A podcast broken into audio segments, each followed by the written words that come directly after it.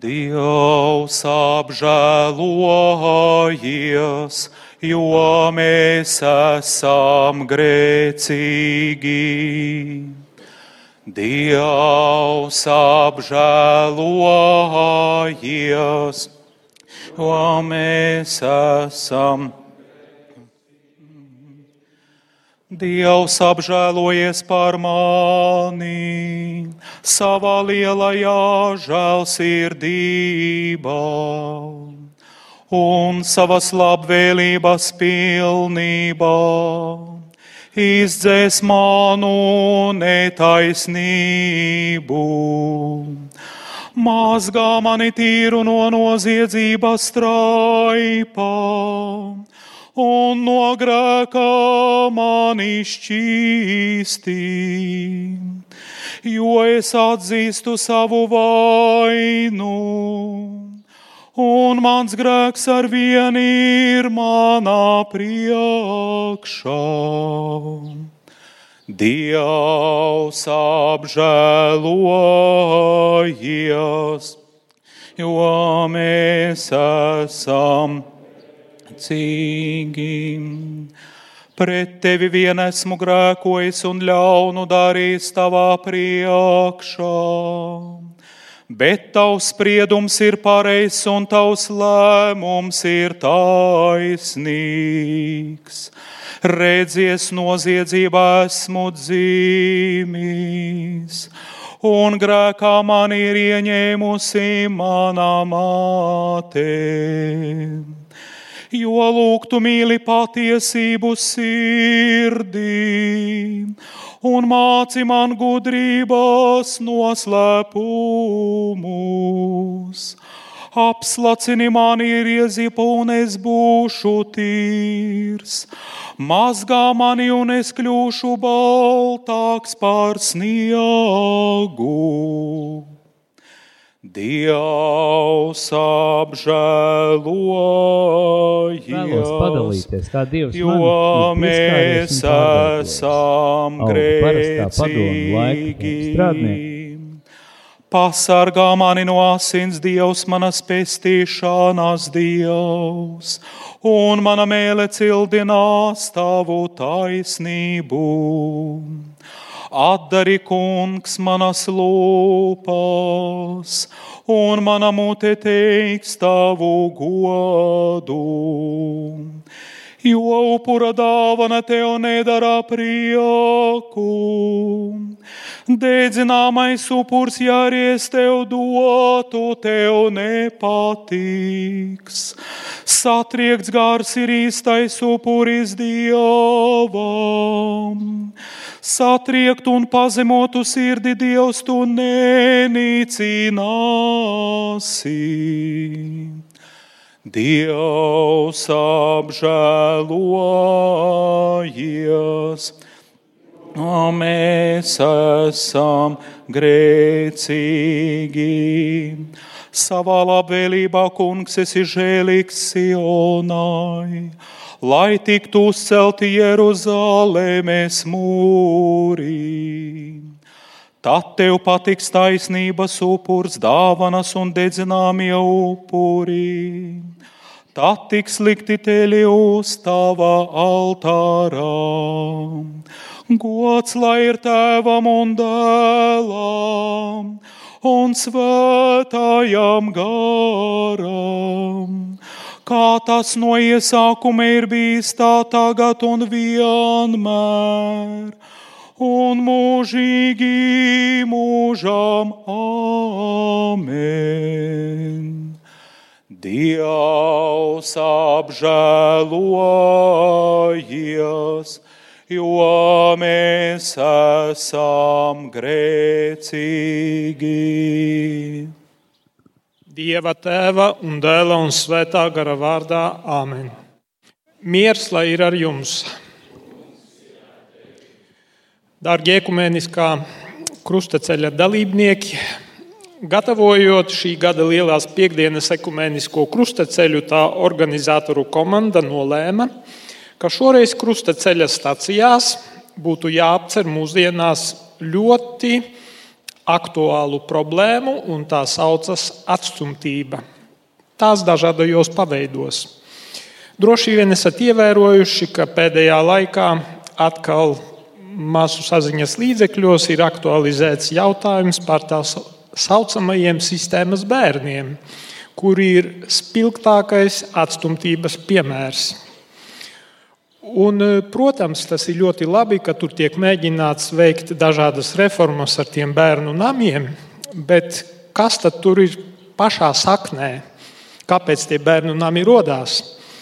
Tāpēc, ka kaut kas ar vecākiem nav kārtībā Tāpēc, ka vecāki maina tā saucamos partnerus, un ar vārdu sakot, bērni, bērniem netiek nodrošināta mīlestības pilna vide, kurā, viņi, kurā ir tēvs un māte, un kura viņiem palīdz attīstīties, sasniegt pilngadību un startēt pieaugušajā dzīvē.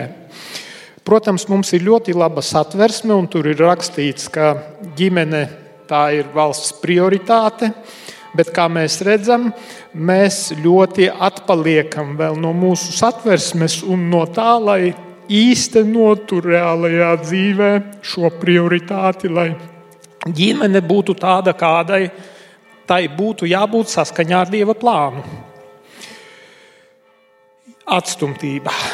Bet tomēr nedrīkstam aizmirst, ka pēc lielās piekdienas sāpīgajiem un traģiskajiem notikumiem Jēzus dzīvē seko viņa augšām celšanās.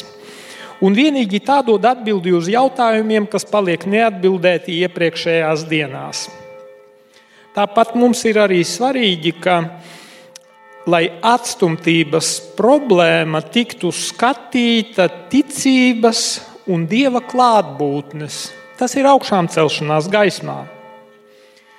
Līdzīgi tam, kā tad, kad Jēzus karājās pie krusta un likās, ka Tēvs viņu ir atstājis, arī mūsu, un te nav izņēmumu, es domāju, starp klātesošajiem ir bijuši kādi atstumtības brīži. Pirmkārt, mēs paši esam jutušies atstumti, citu atstumti. Otrkārt, arī paši esam vai nu apzināti vai neapzināti kādu atstūmuši, vai esam bijuši par iemeslu tam, ka cits ir jūties atstumts. Darbie krustaceļa dalībnieki, lai šis krustaceļš palīdz mums ieraudzīt to, ka Dievs Jēzus Kristus personā ir kļuvis tuvs ikvienam, kurš piedzīvo atstumtību. Šī dieva solidaritāte ar ikvienu atstumto pārvērst ciešanas par īpaši intensīvas dieva klātbūtnes darbības jomu. Atveroties uz šo klātbūtni, ieraugām atstumtības pieredzi pavisam citā gaismā. Šī pieredze tā vienlaicīgi ir dieva aicinājums atzīt mūsu robežas un mūsu eksistences trauslumu to, ka neesam pašpietiekami, ka mums ir vajadzīga gan līdzcilvēku tuvums un palīdzība, gan arī dieva klātbūtne. Un vienīgi tā spēj aizpildīt to vientulību, ko nesam mūsu būtības dziļumos. Bet vienlaicīgi tā ir arī aicinājums ieraudzīt līdzcilvēku, kuram ir vajadzīga mūsu klātbūtne, atbalsts un iedrošinājuma vārdi. Darbie krustaceļa dalībnieki, lai Dievs svētī ikvienu, kas piedalās šajā krustaceļā, un lai psalma vārdi, tu manas žēlabas pārvērti priekā, kļūst arī par mūsu personīgo pieredzi. Vai šis krustaceļš ir par atstumtajiem, kuri sabiedrībā tiek uztverti ar sāpēm, noraidījumu, neizpratni, vienaldzību? Jā, tas būs stāsts par mums katru. Tevī un manī dzīvo tā būtības daļa, kas sausta atstumtības mezgliem. Katrā šī krustaceļa apstāšanās vietā būs iespēja dzirdēt personiskas liecības, kā dieva mīlestība un viņa spēks ir pārvērtis dažādas cilvēku sāpes un ciešanas mīlestībā un piedošanā, Liecības ir personiski un patiesi stāsti. Tomēr vienlaikus tie atklāja ne tikai runātāju pieredzi, bet arī simbolizē dažādas sabiedrības grupas, mūsu līdzcilvēkus, iespējams, kādā reizē mūsu pašus. Tāpēc liecības noslēgsies ar vārdiem: Es gribu, lai tu mani mīli, uz ko visi kopā atbildēsim: Tu esi mīlēts. Tādējādi apliecinot savu gatavību likt katram sabiedrības loceklim justies mīlētam. Katra stāsta beigās lūgsim atdošanu un piedosim, kā arī caur Kristus krustu un viņa svētajām asinīm, ko viņš izlēja ceļā uz Golgātu un pie krusta, sarausim jebkādas saistības, negatīvas saites, kas var vai varēja mūs, mūsu ģimeni un dzimtu saistīt, kas varēja ietekmēt mūs kā pēcnācējus ar vainošanas garu, ar iztumšanas un nevērības garu, ar melu, manipulācijas, nepatiesības garu, ar mazvērtības garu, ar vārdarbības garu, ar seksuālās vārdarbības garu, naida, kauna, dusmu un baiļu garu. Arī grāmatiņās katras stācijas beigās ir šī lūkšana, ko būs iespēja lasīt līdzi krustaceļa laikā. Mēs pielūdzam tevi, Kungs, Jēzu Kristu un tevi slavējam. Jo ar savu svēto krustu tu esi atpestījis pasaulī. Pirmā stacija, jeb pirmā apstāšanās. Jēzus tiek notiesāts augstākajā tiesā vainošana. Tad Pilārs iznāca pie tiem ārā un teica, kādu sūdzību jūs ceļat pret šo cilvēku? Tie atbildēja viņam, ja viņš nebūtu ļaundaris, mēs viņu nebūtu tev nodevuši. Tad Pilārs viņiem sacīja: ņemiet viņu un tiesājiet pēc sava likuma. Bet rakstu mācītāji un farizēji atveda sievu, kas bija pieķerta laulības pārkāpšanā. Un to vidū nostatījuši tie sacīja viņam, mācītāji, šī sieva pieķerta laulības pārkāpšanā. Un Mūzus savā bauslībā mums ir pavēlējis tādas nomētāt ar akmeņiem. Ko tu saki? Bet Jēzus pie zemes noliecies rakstīja ar pirkstu smiltīs Kad nu tie uzstāja viņam ar savu jautāšanu, viņš pacēla galvu un sacīja: Kurš no jums ir bez grēka? Tas lai pirmais met akmeni uz viņu. Tā ir kā iejušanās tiesneša lomā, reti, kad atver vārdus mīlestībai. Šaubu sēšana, aizdomas, tās gandrīz vienmēr atradīs pierādījumus. Aizvainojums un nespēja uzticēties tad kļūst neizbēgami pret citiem, vēl vairāk pret sevi tiek izrakts grāvis, atsvešinātība. Mums visiem ir Dievs, kurš ne tikai ļauj kļūdīties, bet kurš kļūdas izmanto mūsu labā. Tieši šādi Dieva mīlestība ir parādījusies Jēzū. Vainošana. Jēzus tiek apvainots noziegumos, kurus viņš nav izdarījis. Jēzum tiek piedēvēta dieva zaimošana, Jēzu tur aizdomās, ka viņš grib sagrābt varu, bet kaut kur vairāk, varbūt pat zemapziņas līmenī, ir apdraudētības, tā pamatā ir apdraudētības sajūta par savu pozīciju, par savu stāvokli, par savu ietekmi, varbūt par saviem ienākumiem. Tātad pirmais vainošanas līmenis ir, kad mēs nepatiesi vainojam kādu un pie tam nevienmēr apzināta līmenī. E, nevienmēr paši to apzināmies, kas tur ir apakšā. E, vecāki mēdz vainot bērnus. E, vecāki mēdz prasīt no bērniem to, ko viņi nespēja, kas pārsniedz viņu iespēju robežas, grib būt, lai bērni ir perfekti, lai bērniem ir sasniegumi mācībās, sasniegumi sportā vai kādā citā jomā. un ja tas nav, tad tie bērni tiek vainoti, tiek apsūdzēti, varbūt pat pazemoti. Un pēc tam, kad tāds bērns pieaug, jau kļuvis, kļūst pieaudzis, tad viņš var dzīvot gadiem ilgi ar vainas sajūtu. Jo tas bērns, nabadzīgs, viņš vaino sevi, ka viņš ir vainīgs. Vai, piemēram, arī, ja viņa vecāki šķirās, vai arī viens no vecākiem, vai traģiskākā gadījumā abi vecāki, piemēram, dzer, vai viņiem ir kādas atkarības, bērnam ir tieksme vainot sevi, ka viņš tur ir tas vainīgais. Un patiesībā tie lielie grēkāži jau mēģina vienmēr attaisnoties un padarīt visus apkārtējos par vainīgiem savā nelaimēs. Un pēc tam, protams, tādam bērnam viņš uzņemas, kad kļūst pieaudzis, tad viņš arī uzņemas atbildību par cilvēkiem un situācijām, e, kas neatiecas uz viņa atbildības jomu. Tad cilvēks var dzīvot tādā neapmierinātībā ar sevi. Tad viņam ir grūti pieņemt citus, jo pirmkārt, ka viņš nav pieņēmis sevi tādu, kāds viņš ir. Un šajā stacijā redzam, ka Jēzus notiesāts nevainīgi. Viņš nemēģina taisnoties, jo viņš redz, ka tam nav jēgas, tur viss jau ir izlemts. Viņš pieņem to uz sevi, un viņš to visu izcieš.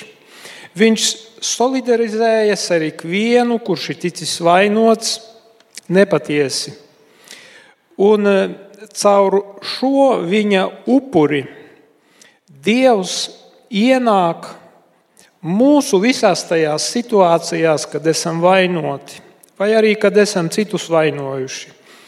Un viņš nāk, lai mūs atbrīvotu no šīm važām, lai atbrīvotu no, tām, no tiem ievainojumiem, kas ir mūsos caur visām šīm situācijām.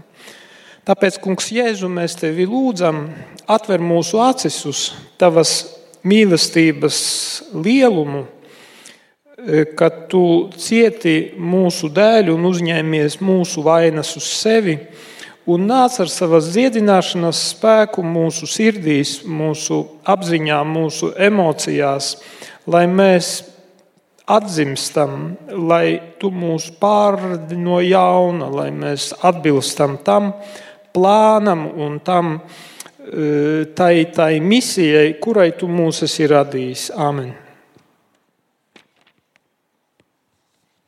Mani sauc Normons. Vēlos padalīties, kā Dievs man pieskāries un pārveidojis. Augu parastā padomju laika strādnieku ģimenē. Kad piedzimu, jau sestajā mēnesī tiku atstāts mājās ar veco mammu, jo mammai bija jāiet strādāt. Līdz trīs gadu vecumam jau nekādas redzamas problēmas nebija, taču tad pieteicās mana māsiņa, kas manu dzīvi apgrieza ar kājām gaisā. Es no labā bērna sāku palikt par netik labu, un dažādos veidos turpināju pretoties šai, pēc manām domām, netaisnībai pret mani. Skaidrs, ka mana rīcība radīja labu augsni vainošanai un vainas apziņai. No vecākiem bieži tiku vainots un apstiprinājumu, kur ļoti gaidīju, nesaņēmu.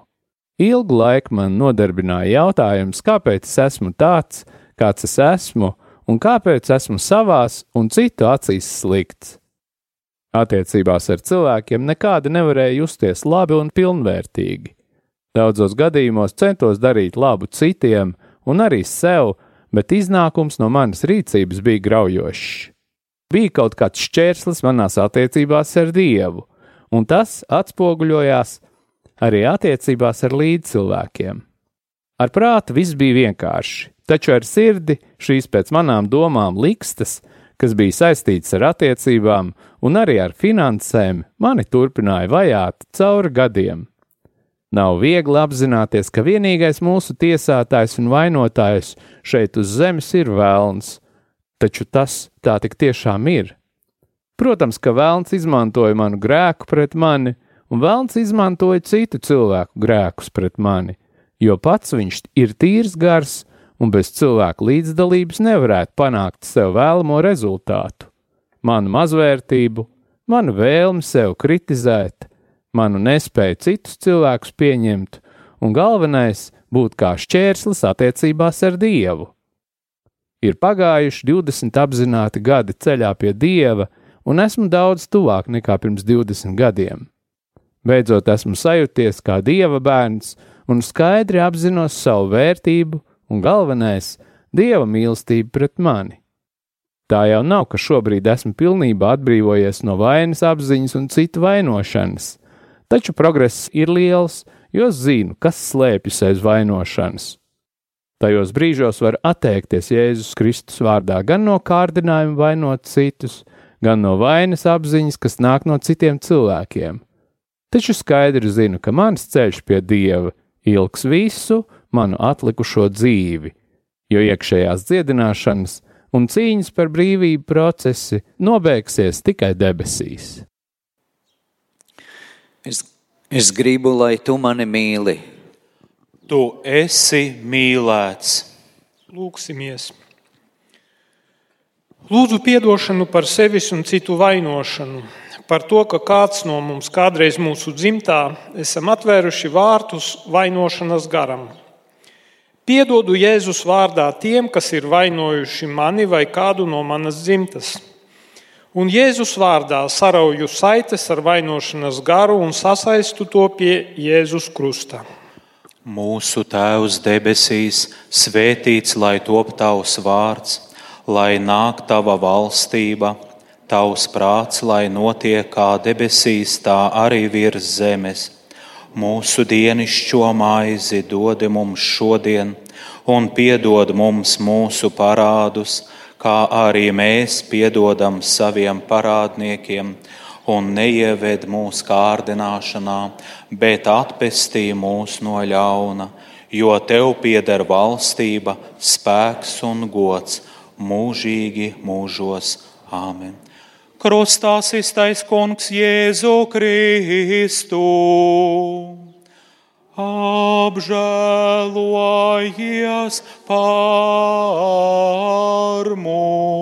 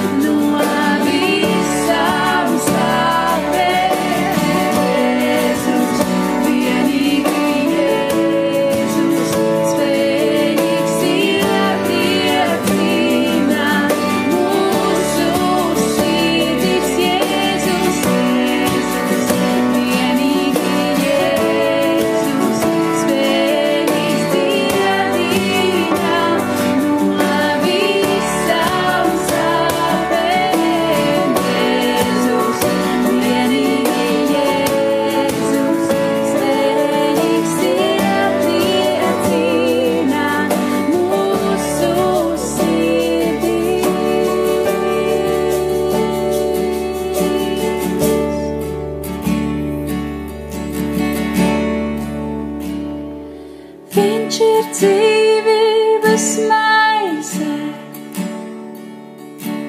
Viņš mūsu prieka upe. Patiesais vārds, kas mums vajadzīgs.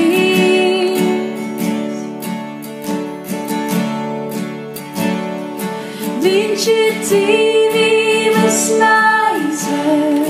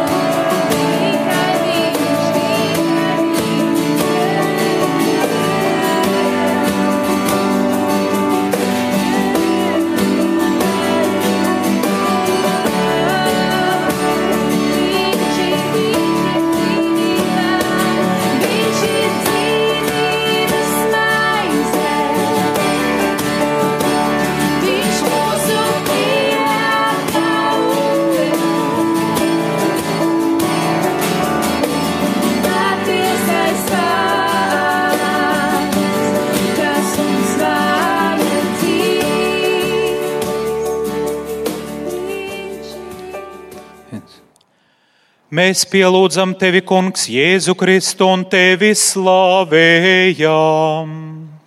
Jo ar savu svēto krustu tu esi atpestījis pasaulī. Otrā apstāšanās. Pēteris noliedz Jēzu.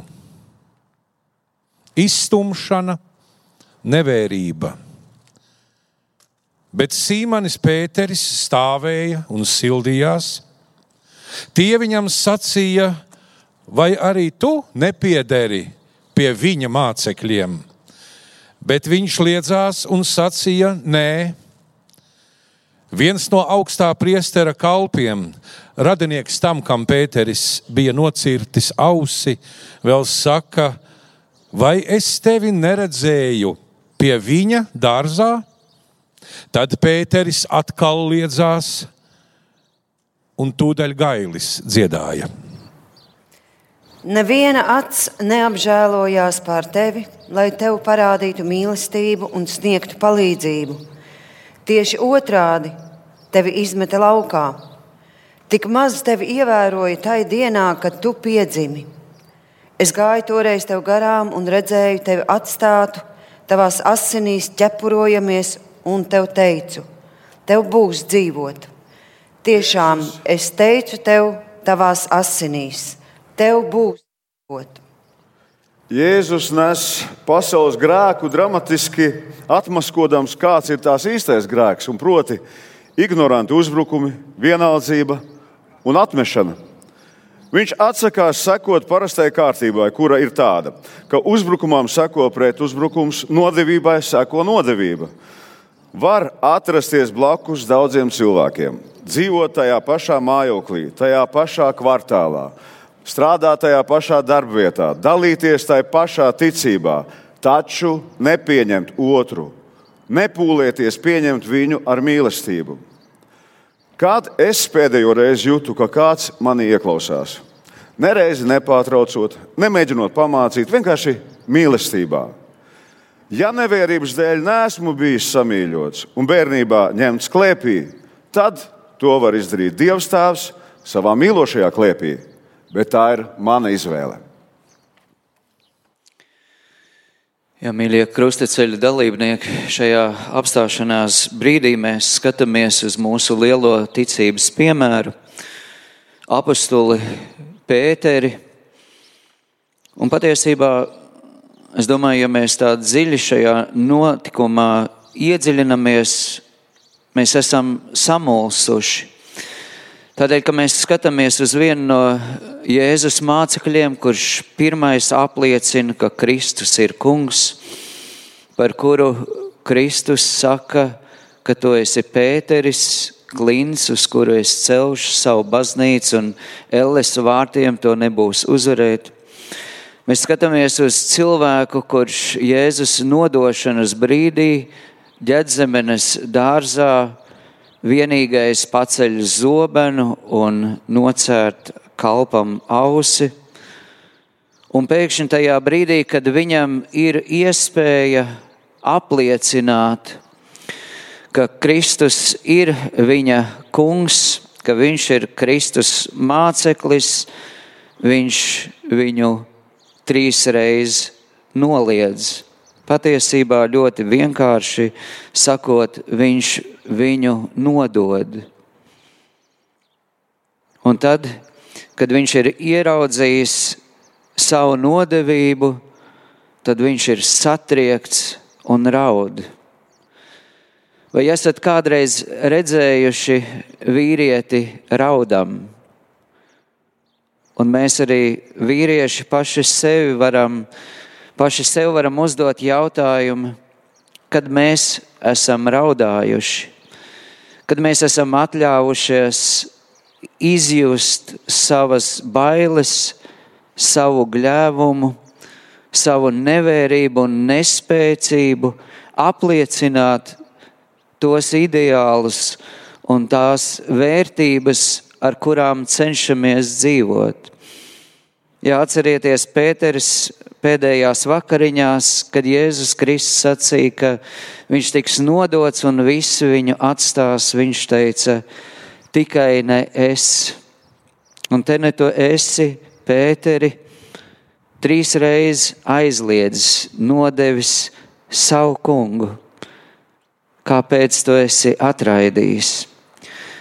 Un es domāju, mēs vīrieši šajā brīdī varam ieskatīties savā sirdīs un atrast sevī kādu ļoti apslēptu, apklātu un nevienam nerādītu vietu.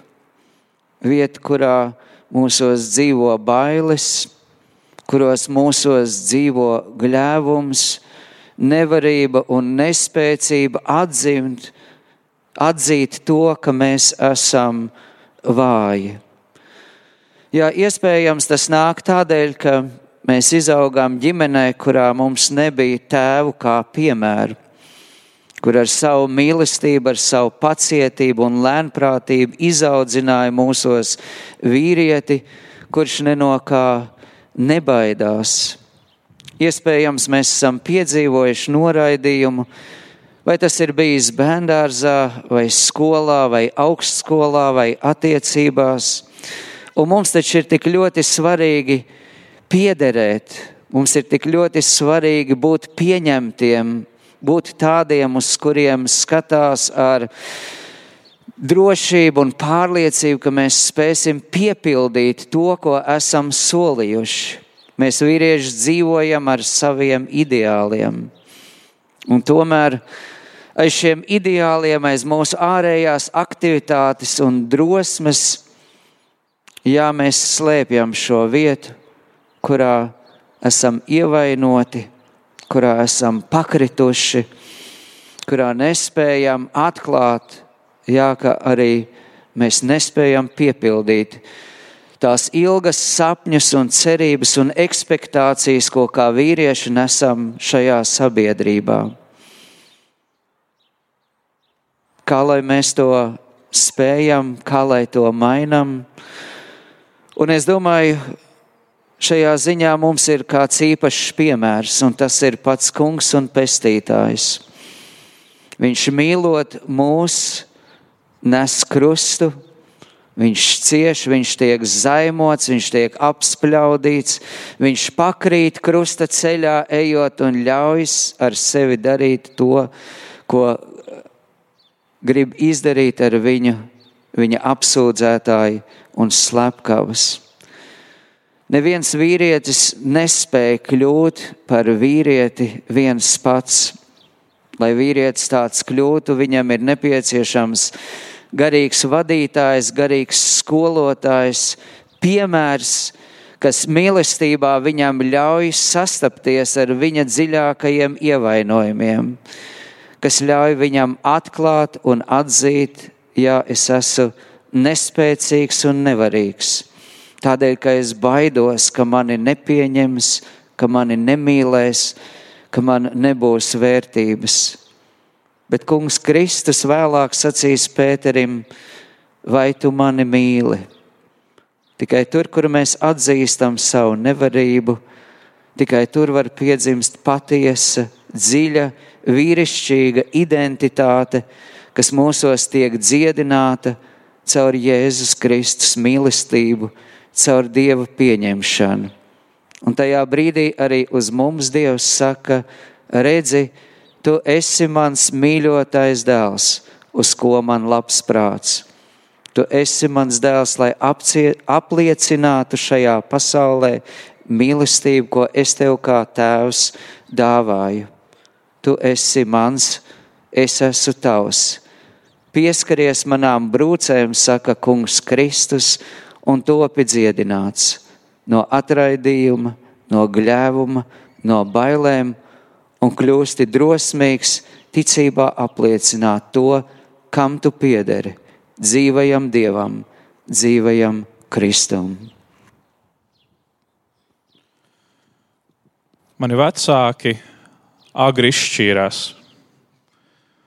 Un laikā, kad es to sāku apzināties, es jau biju pietiekami mazs, gāju kādā otrā, trešā klasē, bet būdams kā vecākais bērns savā ģimenē, es biju saviem vecākiem pa vidu. Kad es tikos ar savu tēvu, tad viņš man prasīja, ko mamma par viņu ir stāstījusi, kas ir tas, ko viņa ir sastāstījusi man. Un kad es devos atpakaļ pie mammas, pie kuras arī mēs dzīvojām, tad mamma parasti prasīja, ko tas tēvs par mani sastāstīja un kā, ko tu esi no tā paņēmis. Un ātri vien es sapratu, ka man ir grūti runāt ar saviem vecākiem un grūti būt kā mammu un kā ar tēti, nesot šim komunikatoram pa vidu. Un ātri vien es sāku izvairīties no viņiem. Es sāku izvairīties un vēlāk nākt mājās, kā rezultātā mamma daudz sāk pārmest, ko es apkārt pēc skolas blandos un kādai nenāku. Man bija visādi attaisnojumi, gan biblioteka, gan draugi, gan skolas mājas darbi. Gan mūzikas skolā mācoties, daudz jāspēlē mūzikas instrumenti, jāmācās notis. Un man pietrūka šīs, šīs tuvās izpratnes, kas ar maniem notikās. Kā rezultātā es sāku ar vien vairāk melot un stāstīt, kādēļ es nenāku mājās. No kā atkal tālāk izrisinājās šis pārmetums, kādēļ tu neesi ar maniem atklāts. Un, kad es meklēju palīdzību pie tēva, tad ļoti bieži arī to bija grūti saņemt, jo es zināju, ka atgriežoties pie māmas, pirmā lieta, ko man prasīs, būs, kas ir tas, ko tēvs par mani stāstīja. Un es iemācījos ļoti asi reaģēt uz cilvēkiem. Es iemācījos, ka valoda, kā runāt vienam ar otru, ir pateikt to, kas tev viņā nepatīk. Un tā ir tā mīlestības valoda, kurā tu esi ar šo cilvēku blakām. Un rezultātā man pazuda draugi, man pazuda attiecības ar jebkuru arī ārpus māsas un brāļa, ar kuriem arī palika ar vien grūtāk. Un es neredzēju šo, es neredzēju šo pieņemtības sajūtu, kurā es būtu kopā ar kādu.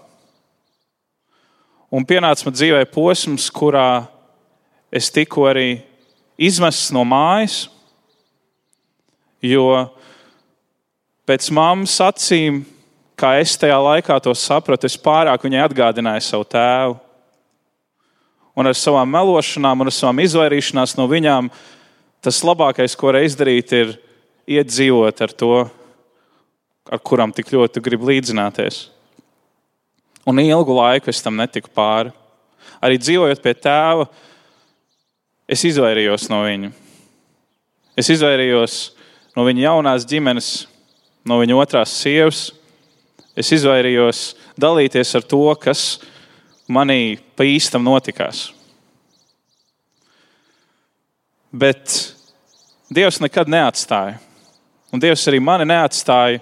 Viņš mani svētīja ar vecākiem, kas bieži vien man stāstīja par tām īstām vērtībām, kas bieži vien bija tie, kas pavadīja laiku un vienkārši bija ar mani kopā.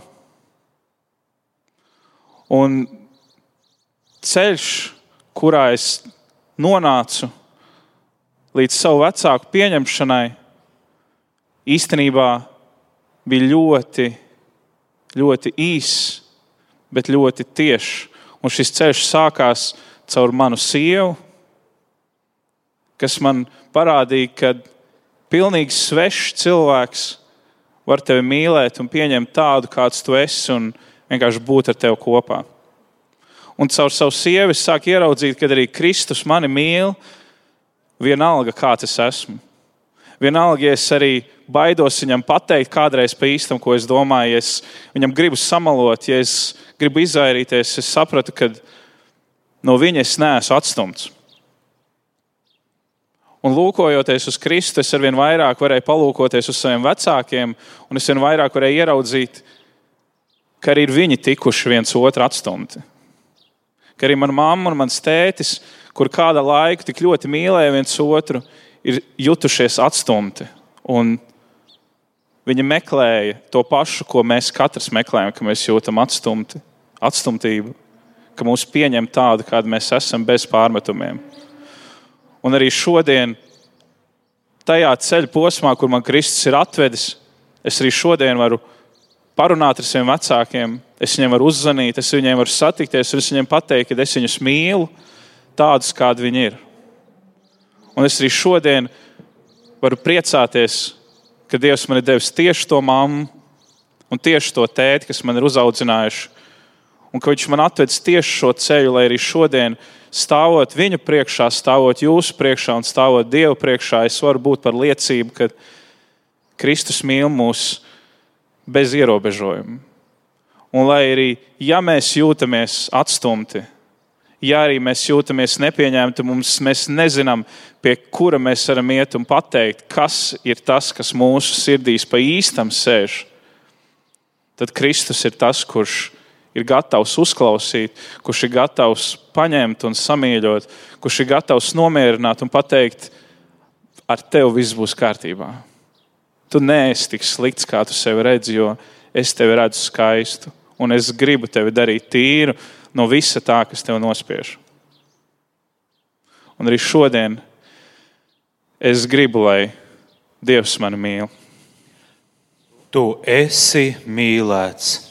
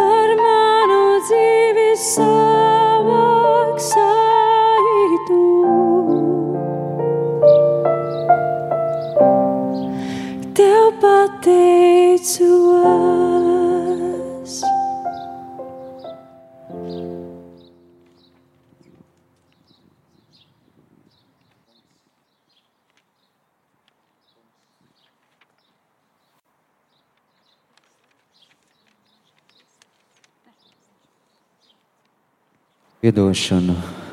Kungs, es lūdzu piedošanu par visām reizēm, kad esmu kādu izstūmis, bijis nevērīgs pret otru cilvēku.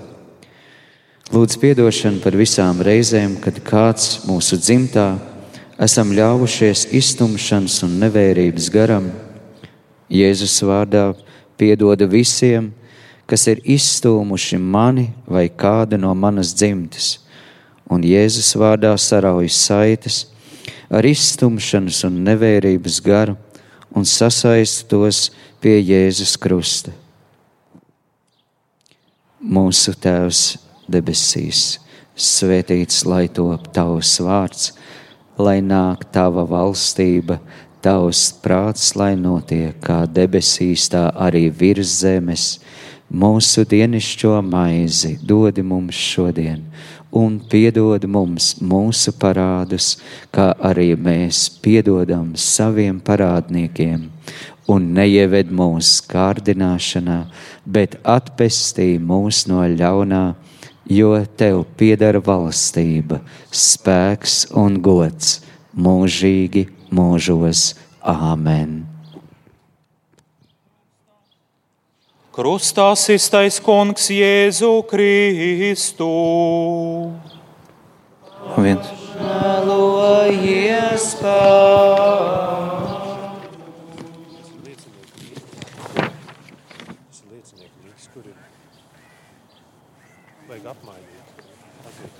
Kas gan tevi, Jēzus, aitesēja, un par tevi necienīgi smēja, manu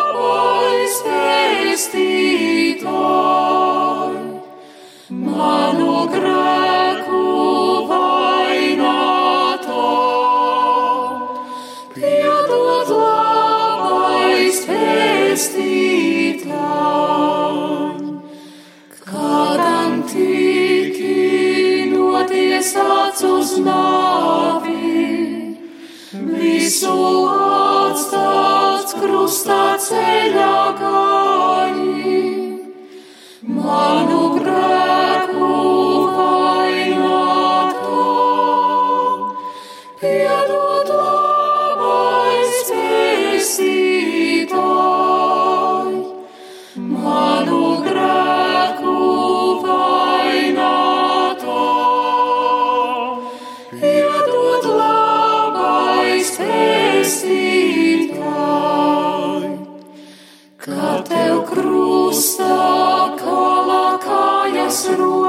rokās, vai tev nebija jācieš lielas mokas, manu grēku vaināto.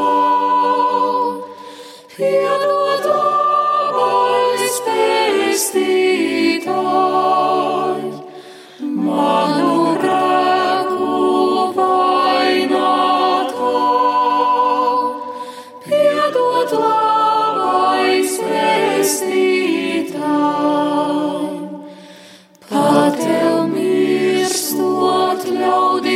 visu liedzam. Tavas labes rūktu žūtis niedzam.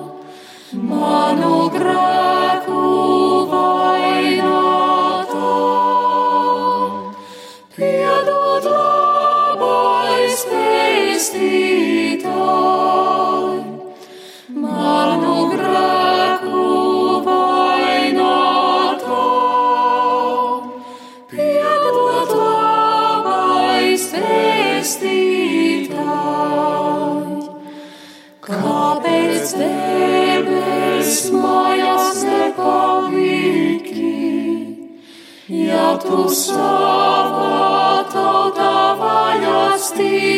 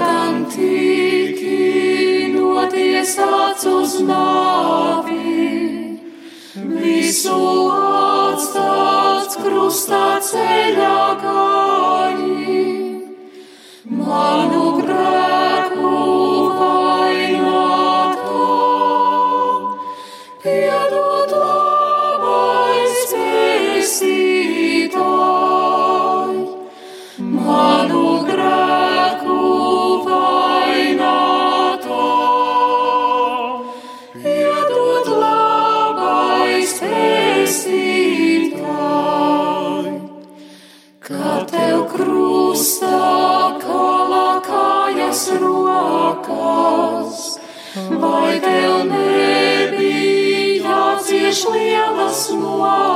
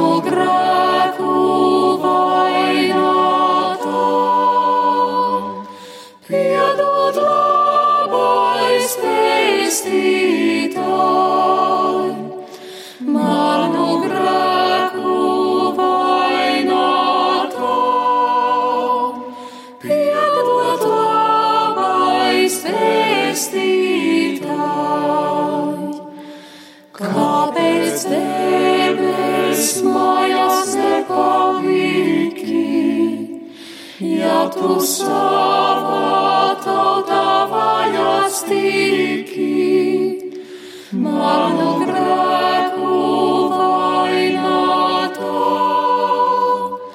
piedod labais pestītāj. Katrā šī krustaceļa apstāšanās vietā ir iespēja dzirdēt personiskas liecības – kā dieva mīlestība un viņa spēks ir pārvērtis dažādas cilvēku sāpes un ciešanas mīlestībā un piedošanā. Liecības ir personiski un patiesi stāsti. Tomēr vienlaikus tie atklāja ne tikai runātāja pieredzi, bet arī simbolizē dažādas sabiedrības grupas, mūsu līdzcilvēkus, iespējams, kādā reizē mūs pašus. Tāpēc liecības noslēgsies ar vārdiem: Es gribu, lai tu mani mīli, uz ko visi kopā atbildēsim: Tu esi mīlēts. Tādējādi apliecinot savu gatavību likt katram sabiedrības loceklim justies mīlētam. Mēs pielūdzam tevi, Kungs, Jēzu Kristu un tevi slavējam.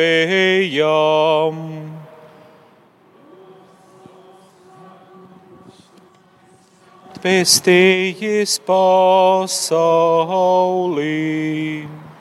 Šī ir trešā stacija, trešā apstāšanās.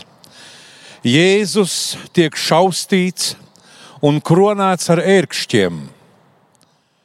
Vārdi, manipulācija, meli un maldi. Tad Pilārs ņēma Jēzu un lika viņu šaust. Un kareivji, nopinuši vainagu no ērkšķiem, uzlika viņam to galvā un aplika purpura apmetni, nostājās viņa priekšā un sacīja: Esi sveicināts, jūdu ķēniņ! Un tie viņu sita vaigā Tad Pilārs atkal izgāja ārā un saka viņiem: Redziet, es viņu vedu pie jums ārā, lai jūs zinātu, ka es nekādas vainas pie viņa neatrodu. Tad Jēzus iznāca ārā ērkšķu vainagā un purpura apmetnī, un Pilārs viņiem saka: Redziet, kāds cilvēks!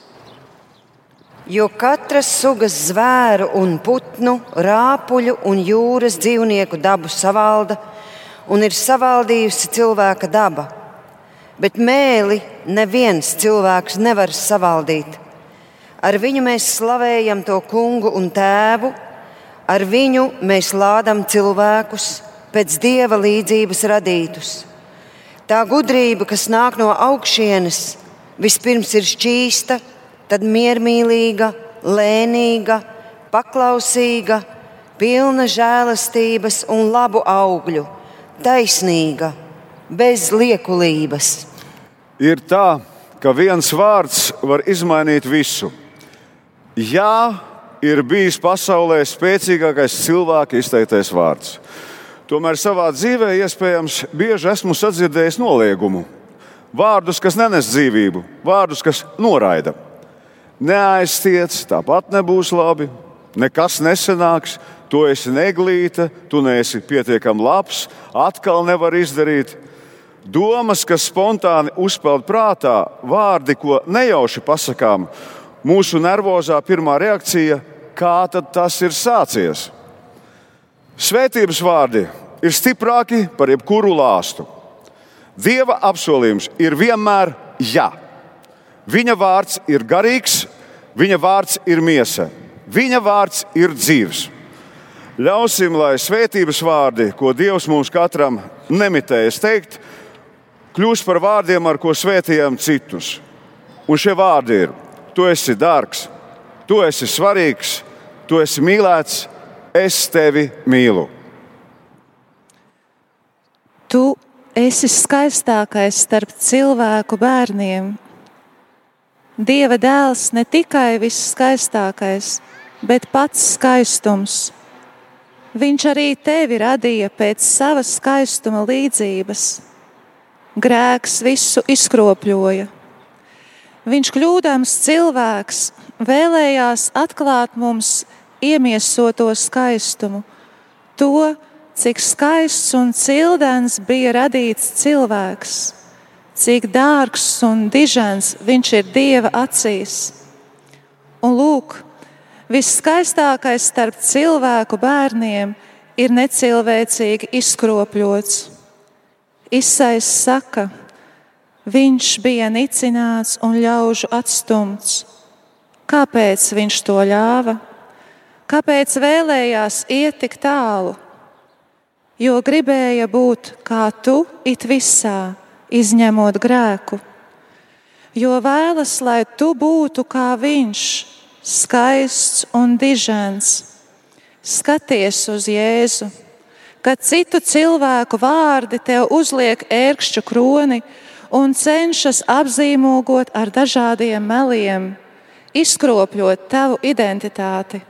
Tu neesi gudrs, tev nesanāks, tu nekā neesi vērts, tu man traucē, tu man neko nenozīmē cik ļoti izkropļot tavu dieva bērna identitāti, negodīgas, dominējošas, pazemojošas attiecības, manipulācija, pakļaušana. Ja ieticēsi šiem meliem, arī tu kļūsi par to, kas uzliek ērkšķu kroni citiem, pazemojot, apvainojot, atstumjot.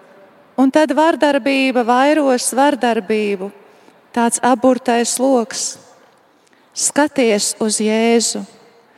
Pērle, pat ja iemesta dubļos, paliek pērle. Viņš apstādināja vardarbību sevī, uzlūko viņu, kronēto ar ērkšķiem tevis dēļ, lai tev atgrieztu karaļa bērna cieņu. Nav spēcīgākas mīlestības par šo, kas var pāraut melu saites un padarīt, lai vardarbība apstājas.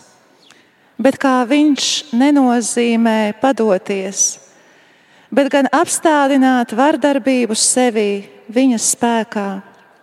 Viņš saņēma sodu, lai mēs gūtu mieru. Viņa brūcēs mēs esam dziedināti.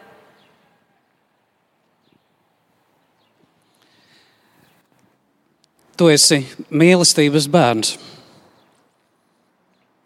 Tā mans tēvs reiz man sacīja, jo viņš spēja atcerēties to dienu, kad es tiku ieņemts. Un vienmēr kopš dziļas bērnības es esmu tā jūties, mīlēts un gribēts. Tāpēc kopš bērnības biju smaidīgs un laimīgs, un visu mūžu arī vēlējos būt mīlēts un labs. Taču kaut kad arī manā dzīvē, manā paradīzē ielavījās vēlns. Tas sākās, kad vecāki piedzīvoja attiecību krīzi, un viņi runāja par to, ka varbūt varētu šķirties. Un tas plēsa mani uz pusēm.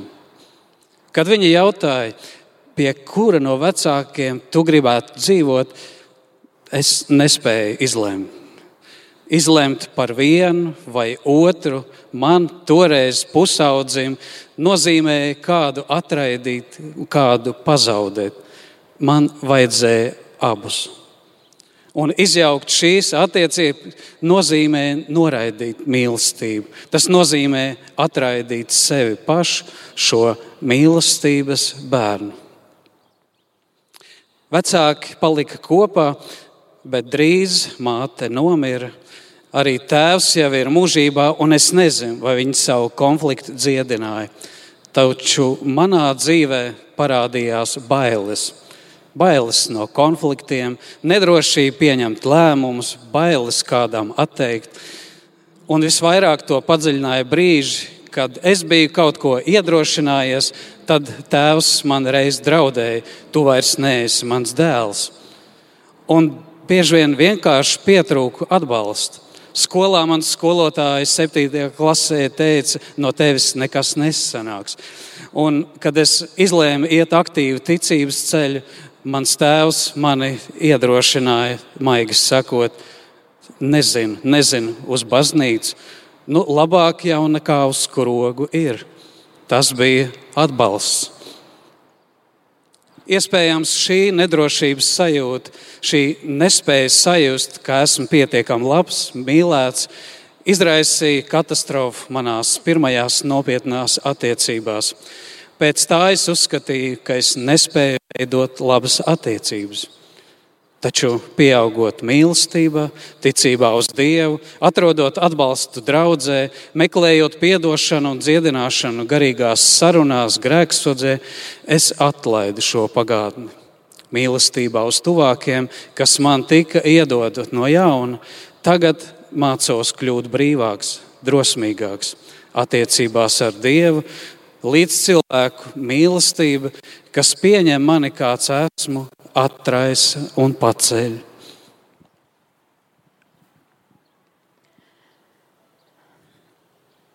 Man vecāki ir eh, šķīrušies, kad man bija divi gadi.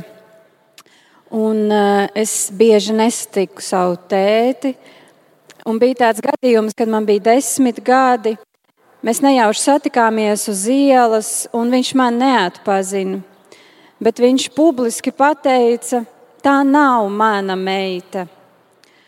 Un tas bija kā tāds, kā tāds duncis. Es uh, ierāvos kamolītī, kāds mazs ezītis. Un, un no tā brīža man tik ļoti gribējās visiem pierādīt, ka es esmu laba, es gribu visiem patikt.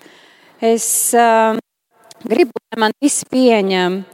Un pieaugot, es kaut kādā brīdī sev pateicu, es nepieļaušu, ka vispār kāds mani atraida. Un es teicu, es jums piespiedu mani mīlēt. Un, un to es teicu daudziem vīriešiem. Es nepieņēmu nevienu atraidījumu. Ja kāds man teica, nē, es teicu, dod man divas stundas laika, un tu mainīsi savas domas. Un tā notika, un manī bieži cēlās jautājumi, vai tā ir pareizi. Un cilvēki man apkārtnē teica, jā, tas ir moderni, tā vajag, tā vajag darīt pašapziņīgai sievietei. Žurnāli man tāpat atbildēja, bet manī bija tāds tukšs manī cēlās tāda netīrības sajūta, un es ar vien vairāk iekļuvu netīrās attiecībās, neveselīgās attiecībās. Protams, piedzīvoju atkal un atkal noraidījumus, līdz es arī nespēju nevienam pateikt nē. Un tad vienā mirklī es aizgāju kāda liela notikuma priekšā pie pedikīra. Un tā sieviete lūdza, vai viņa var par mani aizlūgt. Un viņa sāka lūgt pirmo reizi mūžā, kāds par mani lūdza. Un viņa pateica tādus vārdus: Tu esi Dieva mīļotā meita. Tas pilnībā sagrāva man šķiet visu manī, tas atrāva kaut kādas slūžas. Tas kā zvani iezvanījās, tu esi Dieva meita. Dievs saka, tu esi mana meita. It kā es nekad to nebūtu dzirdējusi. Un, uh, tas uh, pavēra tādas ilgas pēc kaut kā. Es tikai pēc tam sapratu, ka tās bija ilgas pēc dieva. Uh, Un tikai pēc ilgiem gadiem es vienu dienu gāju pa ģērtrūdas ielu un teicu, Dievs, es gribu tevi iepazīt. Atsūti man kādu, kas man par tevi pastāstītu. Un vispār es esmu nogurusi no tik daudzām attiecībām. Es vēlos ģimeni. Pagāja 20 dienas. Un tad es satiku savu vīru. Un uh, es esmu absolūti pateicīga par to Dievam. Pēc savas pirmās grēksūdzes es sapratu, ka manas dāvanas, kas man ir bijis, uh, bija lietojis velns. Uh, tajā vietā, lai es uzrunātu cilvēkus, uzklausītu, es viņus vienkārši savaldzināju. Un šajā brīdī es esmu tik pateicīga, ka es esmu devusi savas dāvanas dievam, un šobrīd mēs kopīgi ar vīru kalpojam tieši ģimenēm, lai tās stiprinātu. Un es vēlos, lai mani mīl. Tu esi mīlēts. Lūdzu, atdošanu, ka esmu noticējis maldiem, ka esmu sāpinājis otru cilvēku ar vārdiem. Lūdzu, atdošanu par visām reizēm, kad kāds mūsu dzimtā ir atvēris vārtus melu garam. Jēzus vārdā piedodu visiem, kas ir sāpinājuši mani vai kādu no manas dzimtas ar nepatiesību, un Jēzus vārdā sarauju saites ar melu un maldu garu un sasaistu tos pie Jēzus krusta. Mūsu Tēvs debesīs Svētīts lai top tavs vārds, lai atnāk tava valstība, tavs prāts, lai notiek kā debesīs, tā arī virs zemes. Mūsu dienascho maizi dodi mums šodien, un piedodi mums mūsu parādus, kā arī mēs piedodam saviem parādniekiem, un neieved mūsu kārdināšanā, bet atpestī mūs no ļauna jo tev pieder valstība, spēks un gods mūžīgi mūžos. Āmen! Krustā iztais kungs Jēzu Kristu. Apžēlojies par mums!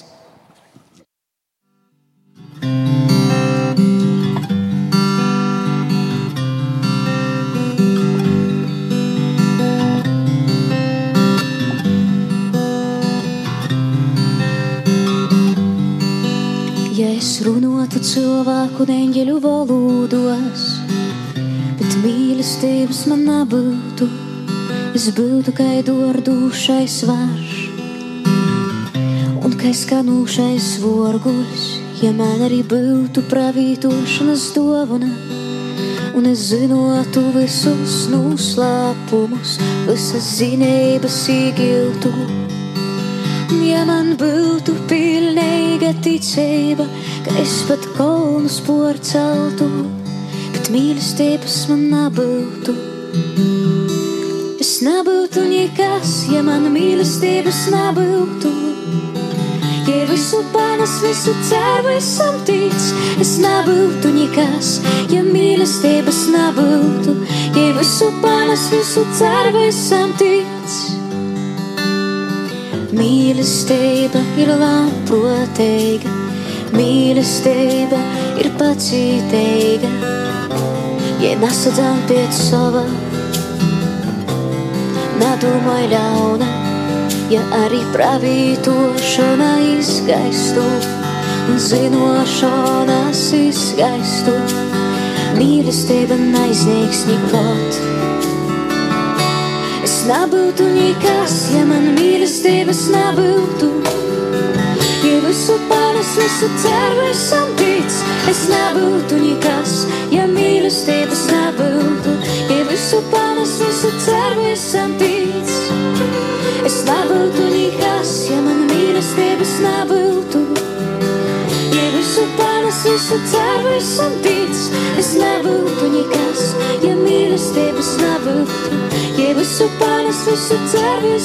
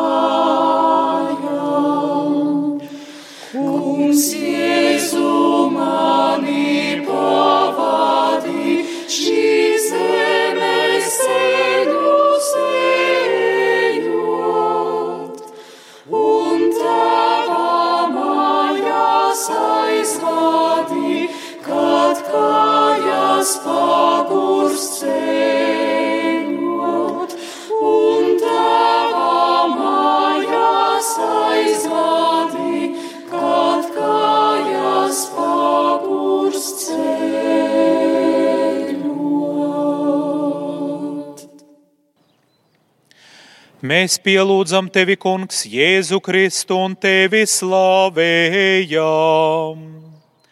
Jo ar savu svēto krustu tu esi atpestījis pasaulī. Ceturtā apstāšanās Jēzus ceļš uz Golgātu. Mazvērtība bet tie brēca nost, nost ar to, sit viņu krustā.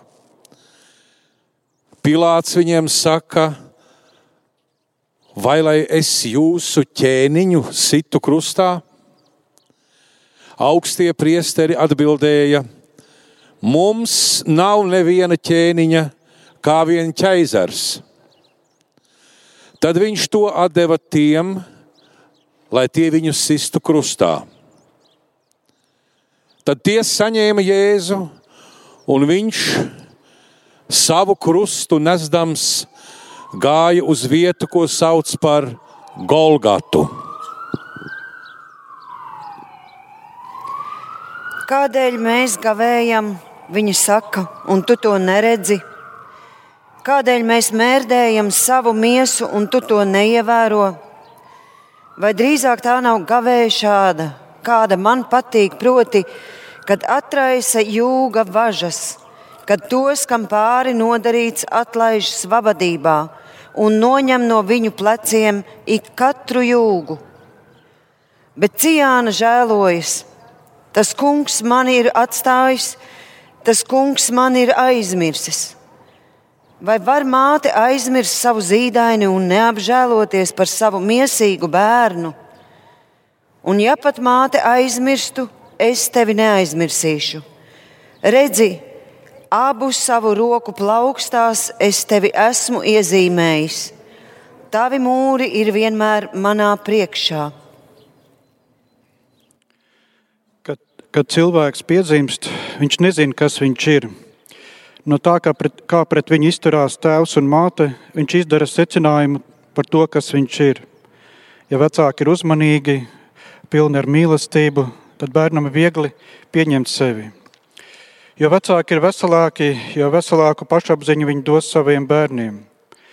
Ja paši neko labu nav saņēmuši vai ieguvuši, arī neko labu nespēs dot. Vecākiem ir aicinājums bērnam atklāt dievišķo cieņu un skaistumu, ar kādu katrs cilvēks ir radīts. Atklāt viņa aicinājumu dzīvē ar Dievu tagad un mūžībā, būt mīlestības attiecībās ar Dievu, būt par svētā gara templi. Diemžēl ideālu vecāku nav, un mūsos var iezakties sātana meli. Mēs vairs neredzam sevi tā, kā mūs redz Dievs. Vienmēr labus, vērtīgus, vajadzīgus, spējīgus, uzņēmīgus, drosmīgus, skaistus. Pēc citu iespaidā, aiz kā stāv mūsu ienaidnieks, varam ieticēt meliem par sevi, ka ne mūsu rīcība grēks, bet mēs esam slikti. Bīskaps Antons Ilsts atbraucis no, atgriezies no ASV, bija pārsteigts par Latvijas cilvēkiem. Viņš pamanīja, ka cilvēki ir kaunīgi, bailīgi, nevarīgi sātaniskās padomu iekārtas sekas. Svarīgi ir tas, ko par tevi domā Dievs un ko tu domā par sevi. Pēc tavas ticības tev būs. Bieži reliģiozi cilvēki mazvērtību sajauc ar pazemību. Vai 30. gados vāciešu kristiešu klusēšana bija pazemība vai mazvērtība? Ja mēs baidamies runāt, uzņemties atbildību, baidamies no neveiksmēm, vai tā ir pazemība, tā ir mazvērtība. Grūti mums justies nevērtīgiem, tāpēc viegli mums paslīdēt un iekrist otrā galējībā, paaugstināt sevi pār citiem, pat pazemojot kādu. Tāpēc tā cilvēka dzenas pēc pirmajām vietām, citu atzinības, mantas, ietekmes. Bieži dzinulis ir tieši mazvērtība gribas saņemt atzinību no citiem cilvēkiem, sajusties labām, vērtīgam. Īstenībā tas ļoti atgādina bērnu dārzā notiekošo. Tas nav jā, tev nav jānopelna sava vērtība, citu atzinība. Nemeklē savu vērtību cilvēkos. Kristus jau tevi ir novērtējis. Tu esi bezgala vērtīgs. Tu vari redzēt to uz krusta. Kad Kristus redzēja, ka tev draud ēles mokas, viņš izvēlējās iziet mokpilnas nāves ciešanas, ar to pasakot, ka tu esi tā vērts, lai tevi tā glābtu. Tagad ir tava izvēle. Vai tu ticēsi Jēzum un pieņemsi sevi kā vērtīgu, pieņemsi kā tevi, ka tev kopā ar Dievu iespējams ir viss ļausi Dievam darboties tavā dzīvē. Un tad arī dievišķā godība caur tevi parādīsies pasaulē, piepildīsies Dieva apsolījumi, un caur tevi tiks glābtas dvēseles. Vai arī izvēlēsies palikt ticībā sātana meliem, ļausi viņam sevi turēt nevarībā, bailēs, neuzņēmībā, nedrošībā, vientulībā. Dievs cilvēku ir apviltījis ar lielu varu Bez cilvēka piekrišanas šai pasaulē nedarbojas ne sātans, ne dievs. Tu izlem to, kas caur tevi darbosies. Tava griba, tava piekrišana, tavas vēlmes, tava ticība, tavi lēmumi. Dievs tev atklāja dažādas problēmas cilvēkos, sabiedrībā, draudzē. Ne jau tāpēc, lai tu par to šausminātos, bet tāpēc, lai caur tevi tur ienāktu Dievs, caur tavu lūgšanu, caur tavu vārdu, caur tavu radošumu, caur tavu darbošanos, caur tavu atbildības uzņemšanos. Ja esi kļūdījies, lūdz Dievam atdošanu, bet piedod sev, kā Dievs tev piedod. Neesi augstāks par Dievu. Nosodi, nicini grēku, bet ne sevi, kas esi radīts pēc Dieva attēla un līdzības. Dievs dara visu pilnīgu. Kad Viņš radīja tevi, Viņš ielika visu savu mīlestību, gudrību, spēku, skaistumu. Ja vēl kaut ko sevī tādu neredzi, tas nenozīmē, ka tā nav tevī, bet ka tas vēl tevī nav pietiekami izaudzis, lai tu varētu to saskatīt. Ietici tam, un tu izaugsi.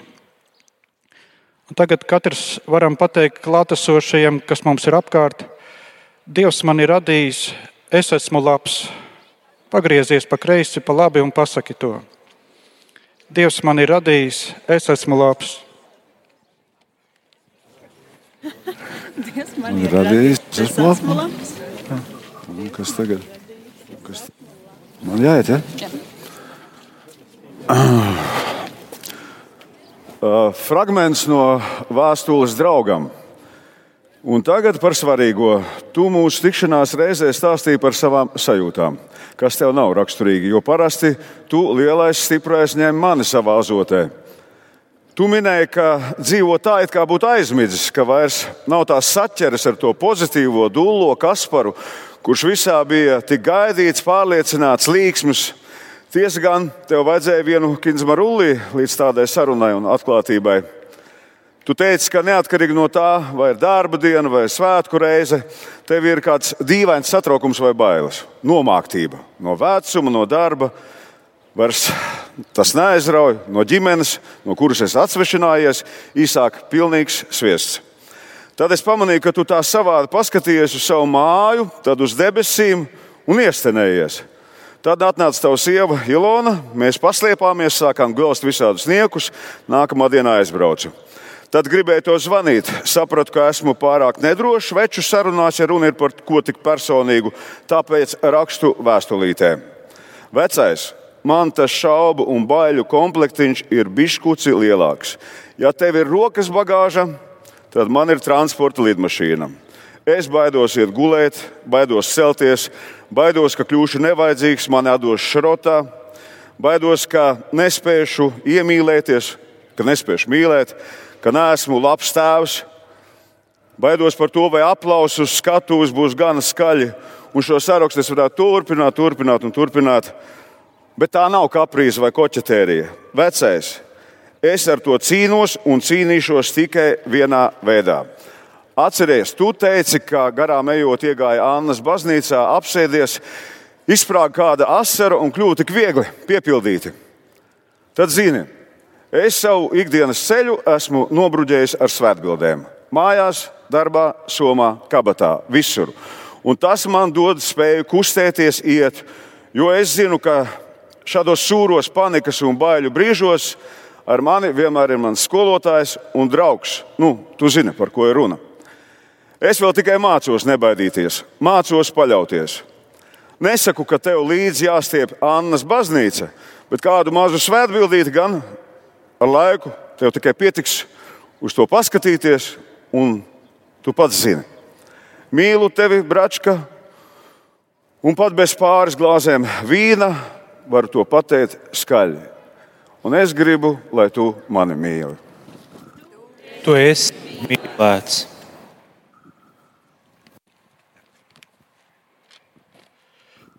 savā, savā un dzimtas vārdā lūdzu atdošanu par to, ka neesmu viens otram, neesam viens otram likuši justies cieņpilniem un vērtīgiem. Jēzus vārdā piedodu visiem, kas ir likuši man vai kādam no manas dzimtas justies nevērtīgam. Un Jēzus vārdā sarauj saites ar maz- mazvērtības garu un sasaist to pie Jēzus krustam.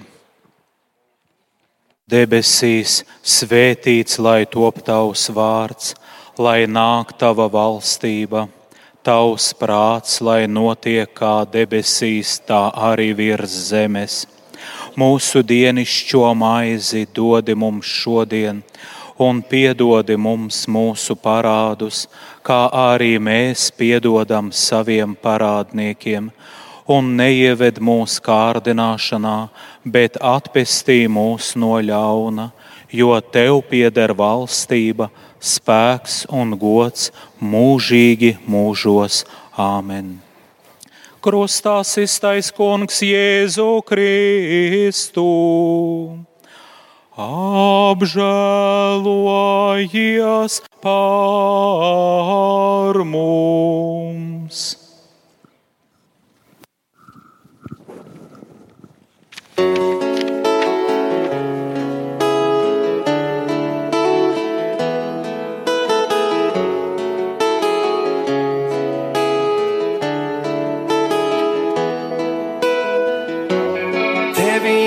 apslēpts es esmu.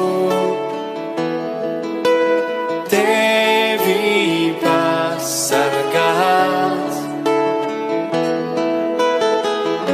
Zem taviem spārniem es eju.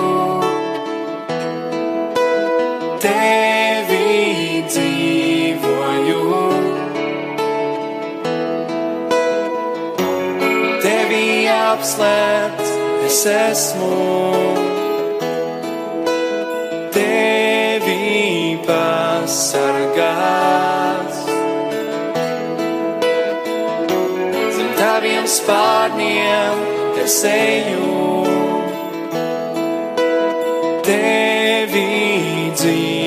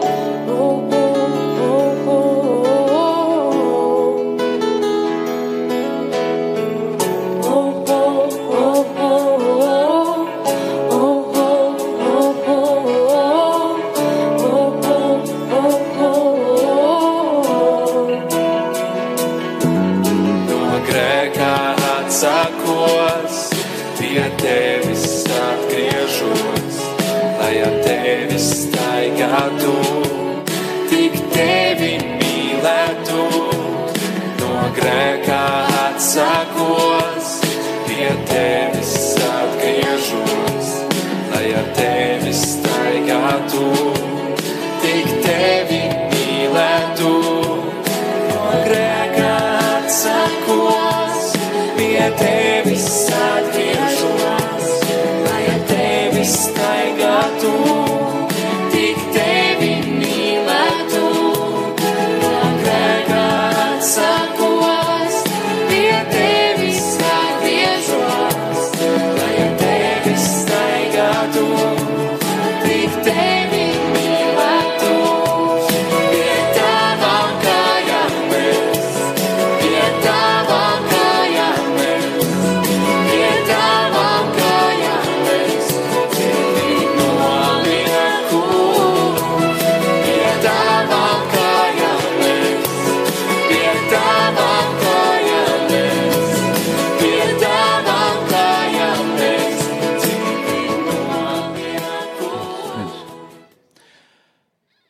Mēs pielūdzam tevi, Kungs, Jēzu Kristu un tevi slavējam, jo ar savu svēto krustu tu esi atpestījis pasaulī.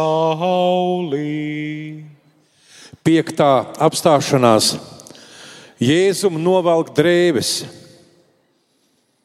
izmantošana, vardarbība. Bet kareivi ņēma viņa drēbes un sadalīja tās četrās daļās, katram kareivim pa daļai. Tāpat tie paņēma viņa svārkus.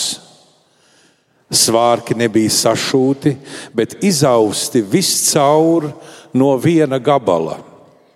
Tad tie sacīja cits citam: tos nesadalīsim, bet metīsim par tiem kauliņus, kam tie piederēs. Tad es izpletu savu apmetņu stūri pār tevi un apsedu tavu kailumu. Es zvērēju tev uzticību un stājos ar tevi derībā, saka Dievs, tas kungs, un tu man piederēji. Tad es tevi nomazgāju ar ūdeni, noskaloju tavas asins no tevis un svaidīju tevi ar eļļu. Es tevi ietēpu rakstaini izaustās drēbēs, apvilku tev smalkas ādas kurpes, liku nesāt tev dārgus linu tērpus un piespraust zīda šķidrautu. Kur likt visu absurdo, traģisko, skaudro, nesaprotamo, netaisnīgo? Ko darīt ar sāpīgo pieredzi, kas bijusi manā dzīvē? Kristus ciešanas piešķir tām jēgu un nozīmi. Dziedināšanas vārti ir viņa ciešanas. Es nevaru palikt viens savos pāri darījumos. Cilvēka sirds netiecas būt izolēta. Ja esmu salauzts, vai tas nav ceļš iespējai kalpot citiem? Ja manas miesas un gara šūnas kliedz atstumtībā, vai tā nav iespēja atrast cilvēkus, kuriem varētu būt draugs?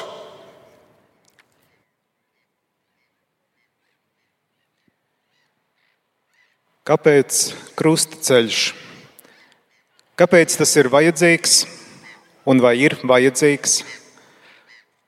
Manuprāt, šo vēlmi lielā piekdienā iziet cauri Jēzus pēdējo stundu ciešanu un sāpju pieredzēm, patiesībā rada mūsu intuitīvā apzināšanās, ka nespējam pietiekami dziļi izjust savas un citu sāpes. Mums ir nepieciešams kāds pašu veidots rituāls, kas pievērš mūsu vērību ciešanām. Vācu teoloģijas Dorotejas Zelves vārdiem tā ir apātija pret ciešanām, kas mudina mūs radīt norises, kurās mēs beidzot kaut ko varam sākt just, un nosaukt vārdā to, kam ir jāmainās, jābūt citādākam, un šīs pārmaiņas jāveicina. Šīs apātijas simbols ir karavīri, kuri notiesātajam Jēzum liek novilkt drēbes, izsmēja, ņirgājas, pazemo. Šādiem vārdiem to apraksta evaņģēlīja autori, jo viņu jūtīgumu pret citu ciešanām bija asinājis Jēzus skaudrais liktenis.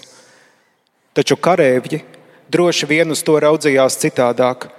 Viņiem Jēzus bija tikai kārtējais objekts, lieta, kārtējais gadījums, nevērtīgs un vairs nevienam nevajadzīgs cilvēces atkritums, kā tāds, no kura novērsušies zemes un debesu spēki. Karēvji, kas Jēzu izsmēja un piesmēja, veistīja, cik liela var būt apātija un nejūtīgums pret otru cilvēku sāpēm. Šajā brīdī ir vērts sev atgādināt, ka tieši valdošās sistēmas, Roma un Jeruzaleme, bija tās, kas Jēzu notiesāja un sodīja ar nāvi. Jēzu notiesā un soda sistēmas, kuras mīl principus vairāk nekā cilvēkus, pārliecinātas, ka nedara neko nepareizu un paklausīgas ārējiem un iekšējām autoritātēm, kurām pakļāvās. Sistēmas, kuras mīl principus vairāk nekā cilvēkus. Tāpēc apustulis Pāvils uzskatīja, ka tikai cilvēcībā, mīlestībā un savstarpējā iekļaušanā un izlīgumā balstīta alternatīva kopība, ko viņš nosauca par draugu, var stāties pretī šādām sistēmām. Tikai tad, kad cilvēki mācās viens otru mīlēt un pieņemt, pilnīgi ikvienu iekļaut, ikvienu akceptēt un atrasties absolūti horizontālās, līdzvērtīgās attiecībās. Tikai tad, kad cilvēki tic, ka katrā cilvēkā ir Kristus, ka Kristus ir visās lietās. Bet par novilktajām drēbēm. Drēbes ir neparasts tēls Bībelē. Ar tām Bībele sākas. Radīšanas stāstā cilvēks ar drēbēm apsedz Dievs, lai tie spētu viens otru un sevi pieņemt un sadzīvot ar nepanesamo kaunu, ko izraisīja spēja atšķirt labu un ļaunu, proti spēja tiesāt un tik notiesātam, realitāti redzēt vērtējoši, tiesājoši, nespējot to pieņemt kā Dievs, kurš teica, ka viss ir ļoti labs. Drēbes aizsēdz to, kas mēs zem tām esam. Vienlaikus tās veistīja par to, ko mēs domājam, kas esam, par mūsu statusu un varu, pozīciju, amatu un ietekmi. Drēbes simbolizē visu, kas paslēp to, kas mēs patiesībā esam, kas ir mūsu patiesā būtība kas mēs esam bez visām maskām, drēbēm, priekšstatiem. Tikai ar drēbēm var izdzīvot šajā pasaulē. Bet Bībeles beigas vēstīja, ka jaunā pasaule, jaunā Jeruzaleme būs caurspīdīga kā stikls. Tajā visi visam redzēs cauri cilvēkiem un visām lietām. Bet nevis vai tiesātu un vērtētu, apkaunotu un izmantotu, bet vai pieņemtu un mīlētu un rūpētos un gādātu un atzītu par labu visu, kas ir. Tas ir kaut kas tik totāli pretējs tam, ko piedzīvo Jēzus vecajā Jeruzalemē. Tur viņš tiek izģērbts, lai jebkurš varētu viņu izsmiet, ievainot un piesmiet. Un ne jau tikai viņš vien. Krustā sišana ir vārds, ar kuru apzīmēt realitāti, kura mums ir līdzās un kuri tik bieži radām mēs paši un mūsu pārstāvētās sistēmas. Caurspīdīga pasaule kurā ne no kā nav jābaidās, kur ikvienam var uzticēties, kur nekas nedraud, kurā neviens nenodarīs pāri. Kā šādu sapni darīt kaut nedaudz taustāmāku? Līdz šim ar to mums nevienam nav gājis pārāk labi. Šādai pasaulē nav vēl pietiekami daudz draugu un draugu. Bet varbūt sākums tai ir, kad mēs atzīstam, ka tikai cietēji var palīdzēt mums ciešanas apzināties un kopīgiem spēkiem tās izbeigt. Tikai tad, kad sākam just citu sāpes, un tās kļūst par mūsu kopīgajām sāpēm, tikai tad mēs iegūstam redzi, dzirdi, spēku, motivāciju, gribu, ticību, sāpes izbeigt, mainīt to, kas sāpes rada. Krusta ceļā mēs ļaujamies sāpēm, kuras piedzīvo Jēzus un daudzi citi. Ja mums ik reiz iesāpētos, kad esam tuvumā sāpēm, neizturami iesāpētos, tad ātri vien šī pasaule būtu jauna, tā atjaunotos garā un patiesībā, un viss augšām celtos. Tāpēc, ja mēs šī gājiena rezultātā kļūstam kaut mazliet jūtīgāki un mazliet apātiski pret ciešanām mazāk, tad zovas nav trītas veltīgi un krusts nav nests bez jēgas. Ja mums kaut mazliet ir iesāpējušās citu cilvēku sāpes, tad pasaule kļuvusi mazliet caurspīdīgāka. Aies liecība, lasa baiva. Tā kā es biju negribēts bērns, eh, savu pirmo atstumtību es piedzīvoju jau mātes miesās. Kad piedzimu, vecāki par mani rūpējās, kā nu mācēja, bet tā kā paši nebija saņēmuši pietiekami daudz mīlestības savā ģimenēs, tā īsti nemācēja dot mīlestību arī savam bērnam. Viņu rūpes par mani lielākoties bija rūpes par materiālām lietām. Kā rezultātā man radās liels emocionāls mīlestības iztrūkums, komunikācijas problēmas ar cilvēkiem un zema pašapziņa. Iespējams, tieši tāpēc jau agrā bērnībā piedzīvoju atstumtību, kuru tā arī sevī nemācēja atrisināt. Atstumtības gadījumi atkārtojās, visu sāsināja tas, visu sāsināja tas, ka nebija neviena cilvēka, kuram varētu uzticēties un ar ko izrunāt notiekošo. Ar vecākiem attiecības bija emocionāli tālas. Visvairāk atstumtību piedzīvoju tieši attiecībās ar pretējo dzimumu. Tomēr tā kā atrisināt to nemācēju un tikai krāju sevī negatīvo pieredzi, mazvērtības un atstumtības sajūtas pamazām izplatījās uz visām dzīves jomām. Šodien saprotu, ka nevienmēr mani patiešām atstūma Dažreiz aiz bailēm no jaunas atstumšanas es pati izprovocēju, ka patiešām tiku atstumta. Vai arī tikai tā jutos, jo kaut kas atgādināja iepriekš piedzīvoto. Tomēr viss neatrisinātais turpināja manī dzīvot, turpināja bojāt manu dzīvi, un ciešanas, ko es izjūtu, bija pavisam reālas. Pusauģu gados zemā pašapziņa veicināja to, ka bieži vien iesaistījos dažādās apšaubāmās kompānijās. Turklāt man bija tendence izvēlēties par mani vecākus draugus. Tagad es saprotu, ka es meklēju iztrūkstošo tēva mīlestību. Pati sevi necienīju, tāpēc piesaistīju pretējā dzimuma pārstāvjus, kuri necienīja nec sevi, nec sievietes, kuriem sievietes bija tikai un vienīgi seksuālās iekāras objekts. Kādā no kārtējām apšaubāmajām kompānijām es piedzīvoju seksuālu vardarbību. Tas pārvērta visu manu dzīvi lielā haosā. Līdzīgi kā daudzi upuri, es uzņēmos visu vainu uz sevi, un tā kā domāju, ka arī dievam es vairs neesmu vajadzīga, tad es atstāju dievu, kādu es viņu toreiz pazinu un sapratu. Tas, protams, visu vēl vairāk sarežģīja. Sekoja dziļa depresija, liels naids pret sevi, atkarības, naids pret pretējo dzimumu, kas vēlāk ieveda vēl citās traumējošās attiecībās. Esot visdziļākajā tumsā, es piedzīvoju pārdabisku dieva pieskārienu. Atcerējos kaut ko no bērnībā mācītā, atcerējos par iespēju aiziet uz grēku sūdzi sākās jaunas attiecības ar Dievu. Pēkšņi visas ticības lietas kļuva ļoti reālas, dzīves un tuvas. Vēlāk uzzināju, ka kādā bērnības skolotāja bija par mani lūgusies, nezinot, kādā tumsā es esmu. Varbūt viņa bija instruments Dieva rokās. Sākumā es biju laimīga tikai par to vien, ka man ir piedoti manas pašas grēki, ka man ir dota otrā iespēja Vēlāk es atklāju, ka Dievs arī dziedina.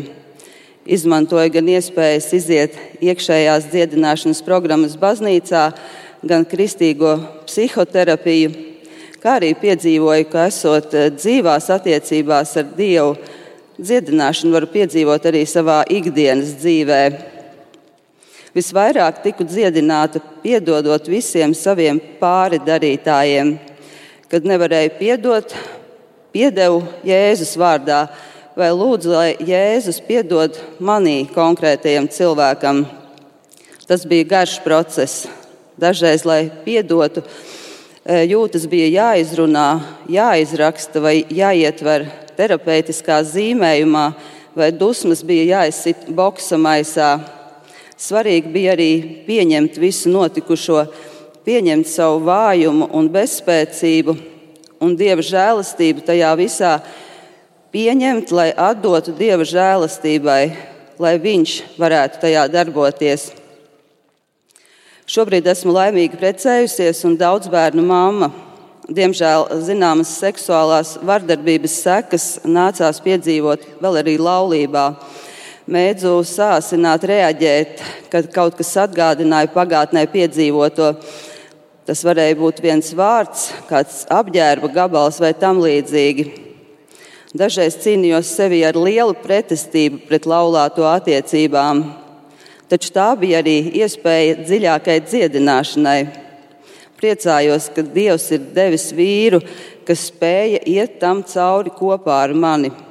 Šodien es esmu savā dziedināšanas ceļā tik tālu, ka spēju ne tikai ar prātu, bet arī ar sirdi uz seksualitāti laulībā skatīties kā uz dieva dāvanu. Kopā ar Dievu ir ļoti mainījusies arī mana personība.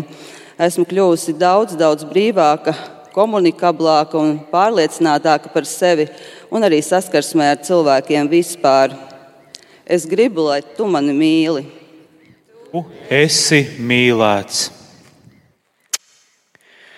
Lūdzu, atdošanu par visām reizēm, kad esmu bijis emocionāli, fiziski vai psiholoģiski vardarbīgs pret otru, kad kāds no mūsu dzimtes esam ļāvušies pornogrāfijas, seksuālās vardarbības vai jebkura cita veida vardarbības garam. Jēzus vārdā piedodu visiem, kas man ir pievīluši, pametuši, izmantojuši seksuālo, emocionālo un psiholoģisko vardarbību pret mani vai pret kādu no manas dzimtes, un Jēzus vārdā sarauju saites ar seksuālās, emocionālās un psiholoģiskās vardarbības garu un sasaista tos pie Jēzus krusta. Mūsu Tēvs debesīs, svētīts lai top tavs vārds, lai nāk tava valstība, tavs prāts, lai notiek kā debesīs, tā arī virs zemes. Mūsu dienascho maizi dod mums šodien, un piedod mums mūsu parādus, kā arī mēs piedodam saviem parādniekiem un neieved mūsu kārdināšanā, bet atpestī mūs no ļauna, jo tev pieder valstība, spēks un gods mūžīgi mūžos. Āmen! Krustā iztais kungs Jēzu Kristu. Apžēlojies par mums!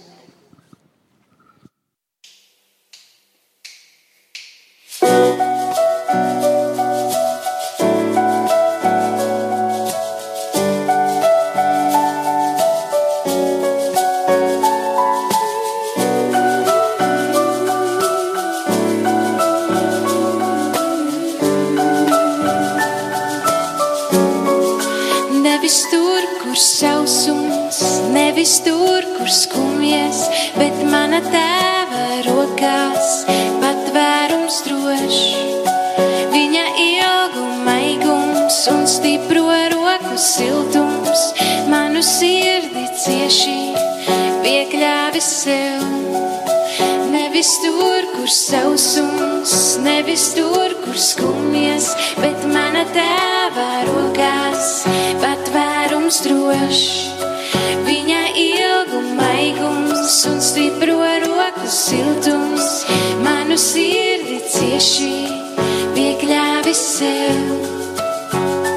Kas ir tas mirklis, kurā kā sēkla zemē sētā mēs nometīsim to, kas liels, lai atplauks mūsu prieks.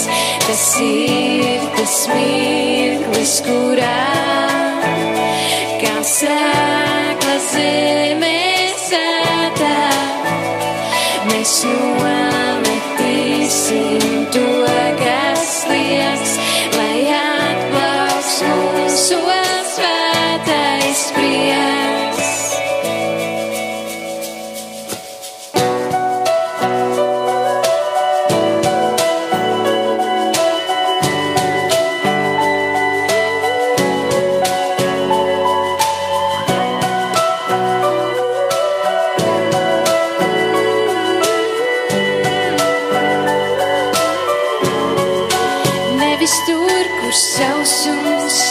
nevis tur, kur skumjas, bet mana tēva rokās patvērums drošs. Viņa ilgu maigums un stipro roku siltums manu sirdi cieši piekļāvi sev.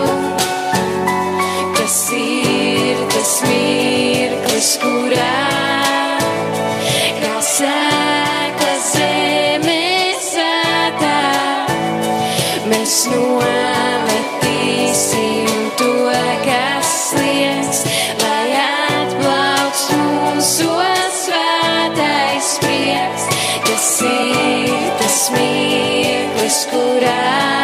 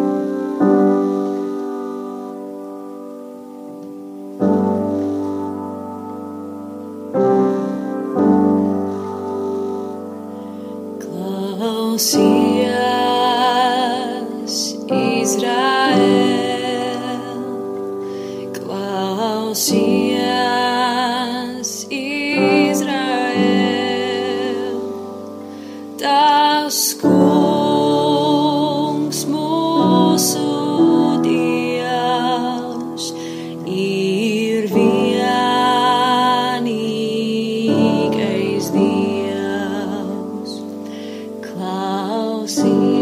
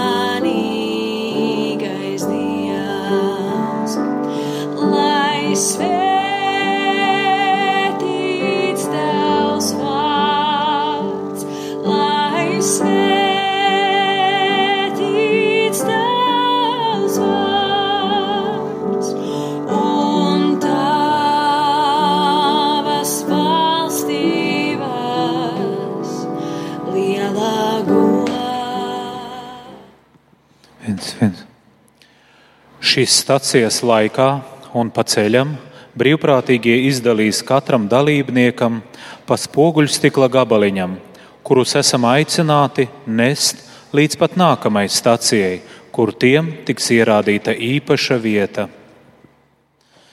Mēs pielūdzam tevi, Kungs, Jēzu Kristu un tevi slavējam.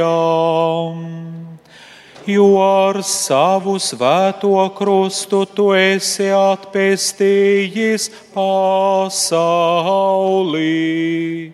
Sastā apstāšanās Jēzus apsola savu valstību grēciniekam, norobežošanās no atšķirīgā naids.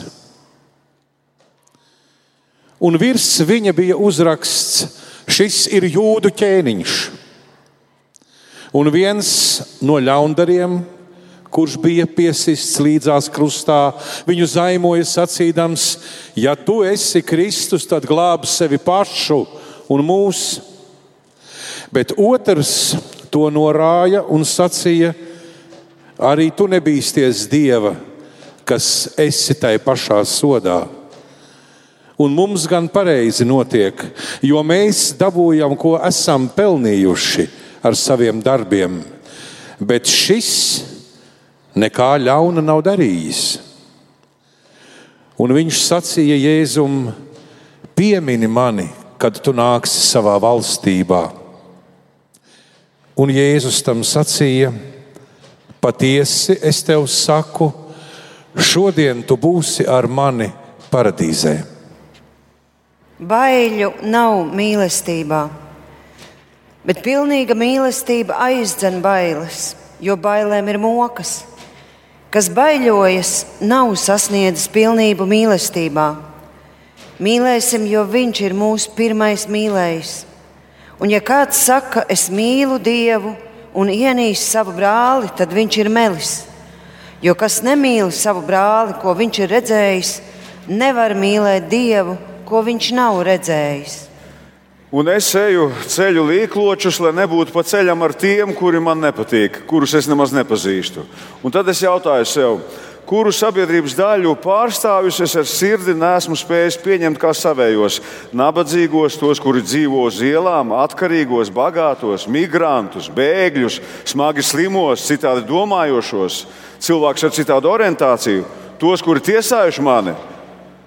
Un tad es saku sev, vai es izvēlos tagad pieņemt un mīlēt ar sirdi, skatīties uz visiem cilvēkiem nevis ar aizdomām, bailēm, tiesājošu skatienu, bet ar cieņu. Jēzus Kristus ciešot pie krusta sāpēs, agonijā, uzrunā cilvēku, kurš ir pienaglots blakus pie krusta. Ne tikai uzrunā, bet dod viņam apsolījumu. Tu šodien būsi kopā ar mani paradīzē. Jēzus mīlestība ir tā, kas sauc pie krusta. Es tevi pieņemu. Šodien es tev dāvāju paradīzi. Tavā vissliktākajā situācijā, tavā vispretrunīgākajā cilvēkā, cilvēku, kuru sabiedrība pamatoti apvaino noziegumā, Jēzus dod apsolījumu. Jēzus parāda, viņš tieši šajā situācijā ir žēlsirdīgs un mīl citādo un tik daudz cilvēku nesaprasto.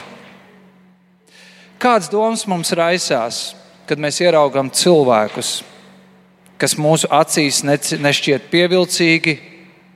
Vai nav tā, ka iekšēji izskrien cauri tāda doma, ka es nevēlos uz šo cilvēku paskatīties? Es nevēlos ar šo cilvēku sarunāties. Es nevēlos šo cilvēku uzrunāt.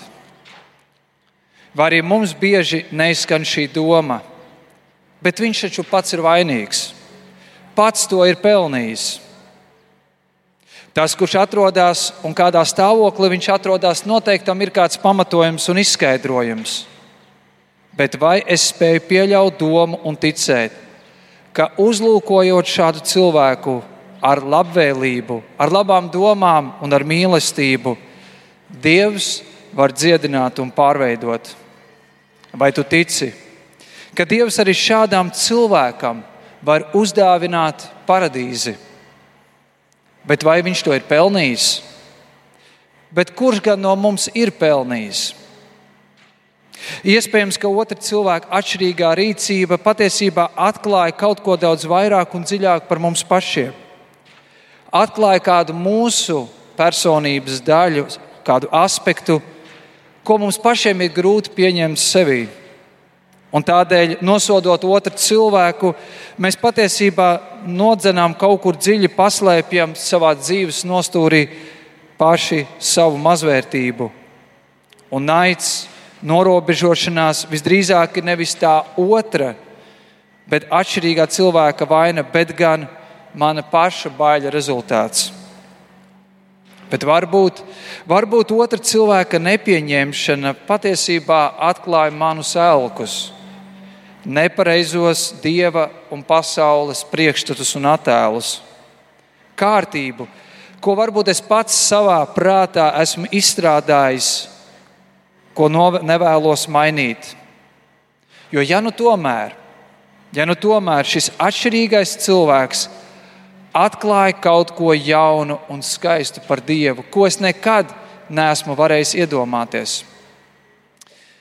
Mēs šodien nemētājam akmeņus virsū cilvēkiem, bet tik bieži mēs metam virsū attieksmi, nesaprotu attieksmi, sliktus izteikumus, pazemojumus, aizvainojumus pret otru cilvēku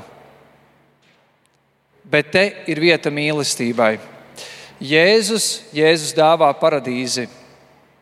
Viņš neskaita kļūdu daudzumu, viņš neskaita to, cik mēs esam atšķirīgi. Jēzus redz mūs visu kopumā. Jo vairāk mēs zinām, jo vieglāk ir piedot. Dievs zina visu, un tādēļ viņš spēja piedot. Tādēļ iemīli, pieņem, kļūsti par draugu, nāc tuvāk, un Dievs mainīs mūs visus. Меня зовут э, Орест Спашко, мне 46 лет.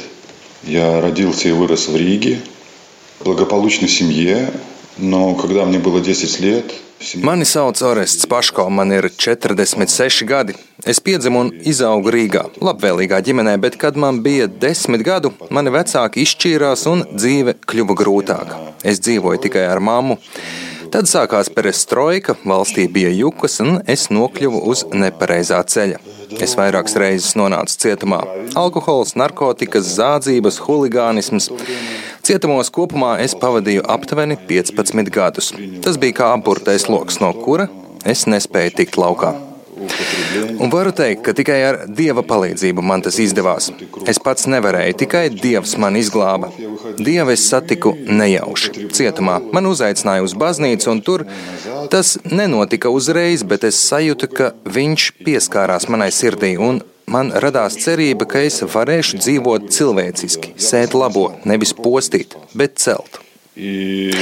Kad es iznācu no cietuma, man likās, ka es neizturēšu. Atkal noraušos, Es sajūtu, ka sabiedrība mani nepieņem, ka cilvēki nevēlas man palīdzēt.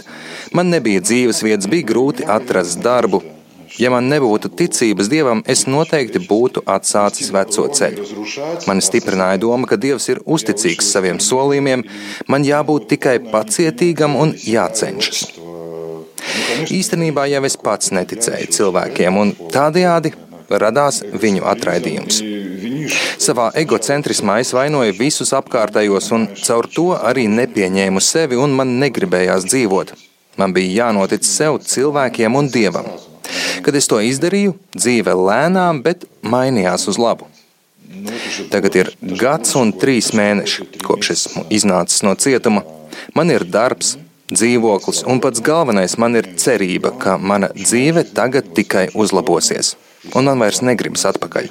Es daudz vairāk spēju izjust prieku par dzīvi, un tagad, kad es eju pa pilsētu un skatos līdz cilvēku sejās, es sajūtos kā šīs sabiedrības daļa. Es nejūtos kā izstumtais, un es saprotu, ka to man ir devis Dievs. Я чувствую, что я часть этого общества. Я не чувствую себя изгоем. И я понимаю, что это мне дал Бог. Man sauc Lidija. Okupācijas vara mani trīsreiz arestēja. Es biju iesaistījusies nelielā pretestības kustībā, kas mēģināja saņemt grāmatas no ārzemēm, un mani nodeva mans draugs. Un šīs nodevības dēļ es daudz dabūju ciest. Pretojoties ļaunai varai, ir norunāta lieta, ko mēs kopā darīsim.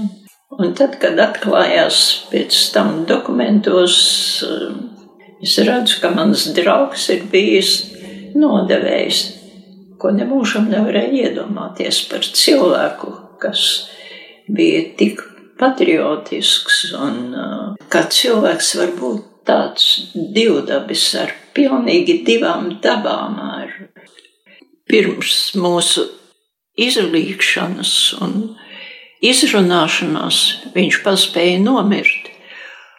Un man palika tikai šis rūkums no viņa nodevības. Un žēl, ka tavs draugs to var izdarīt. Un es savā tiešām gandrīz izmisumā nezinu, ko tagad man iesākt, ko man domāt. Ir tāds, tāda, tāds sajukums manī, tāda neizpratne, man jāmeklē ceļš, kā piedot.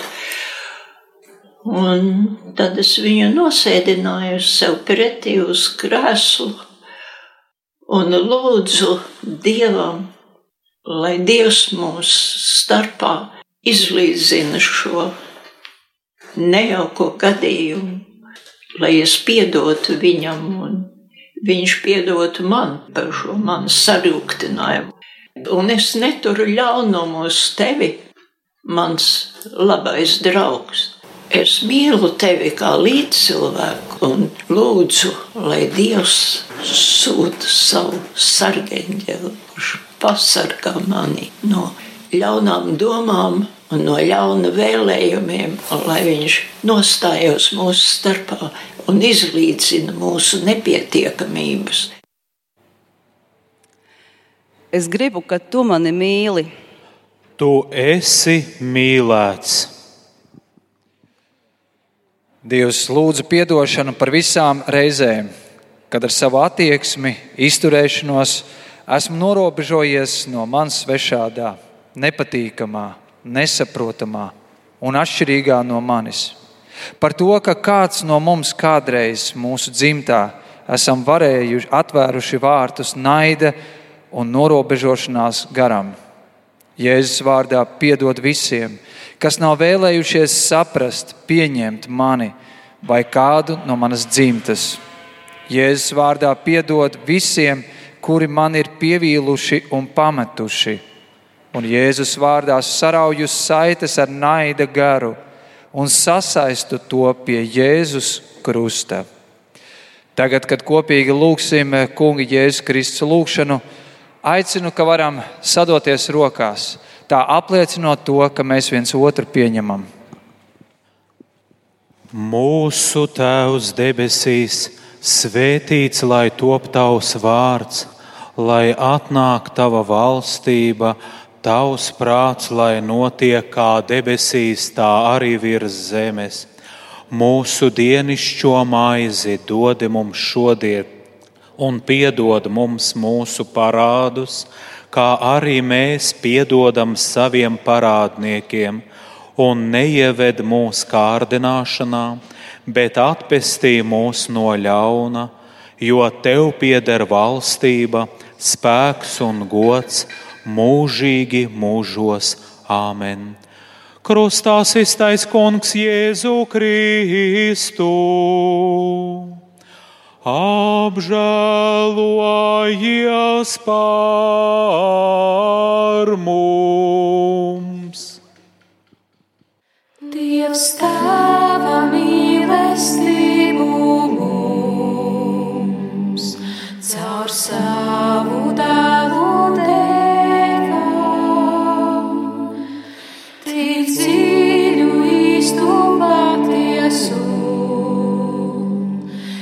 es zinu tikai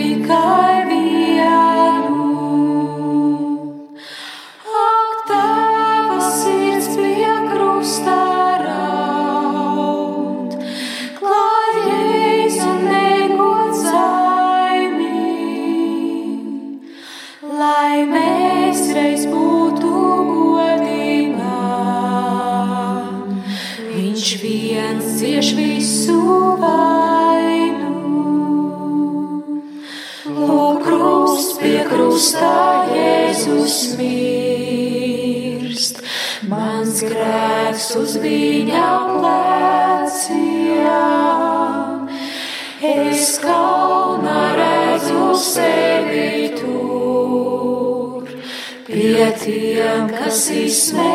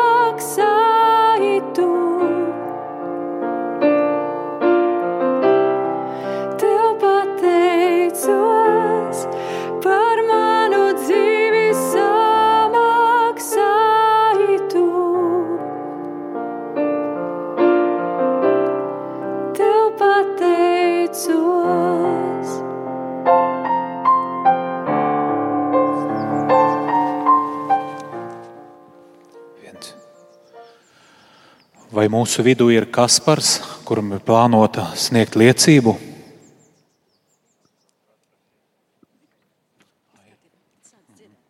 Nē. Šobrīd mūsu priekšā redzam necilu objektu. Šīs stacijas beigās pie tā mēs katrs dosimies pielikt spoguļu stikla gabaliņu, lai ļautu atmirdzēt dieva skaistumam. Tas ir simbols ne tikai Kristus uzvaras godībai, kas apgaismo pasauli, bet arī atgādinājums, ka tikai tad, kad mēs esam kopā, tikai tad, kad esam attiecībās cits ar citu, mēs varam darīt redzamu Dieva attēlu. Dievs katru no mums redz kā nebeidzami vērtīgu dārgakmeni, bet tikai kopā mēs varam to ieraudzīt. Mēs pielūdzam tevi, Kungs, Jēzu Kristu un tevi slavējam. Jo ar savu svēto krustu tu esi atpestījis pasaulī.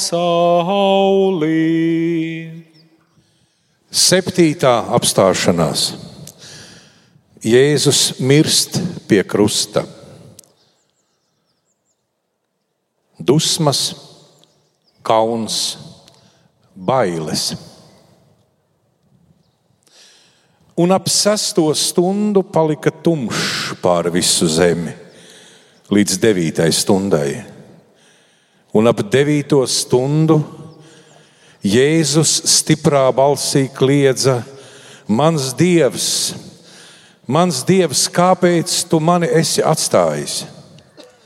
Un daži no tiem, kas tur klāt stāvēja, to dzirdēdami sacīja: Redzi, viņš sauc Ēliju. Bet viens aizskrēja, pildīja sūkli ar etiķi un lika to uz niedri un deva viņam dzert, sacīdams: Pagaidiet, redzēsim, vai Ēlija nāks un viņu noņems. Bet Jēzus stiprā balsī iekļiedzās un nomira. Un priekškars templī pārplīsa divos gabalos no augšas līdz zemei.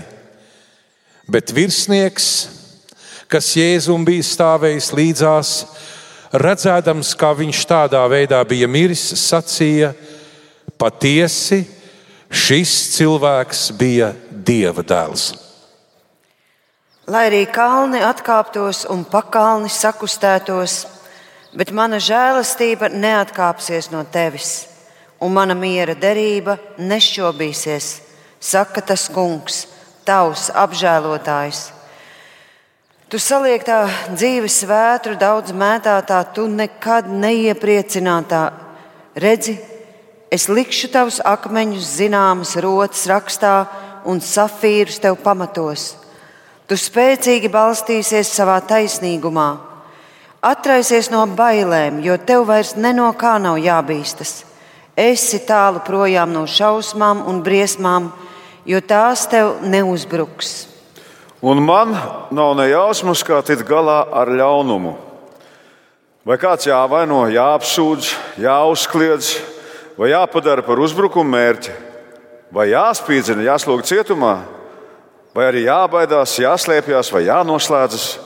Un Dievs ir klāt mūsu ciešanās. Jēzus tajā atklāja šo dārgumu krusta nāvē, piedošanu. Bez piedošanas nav iespējams ļaunumu neradīt citvietu.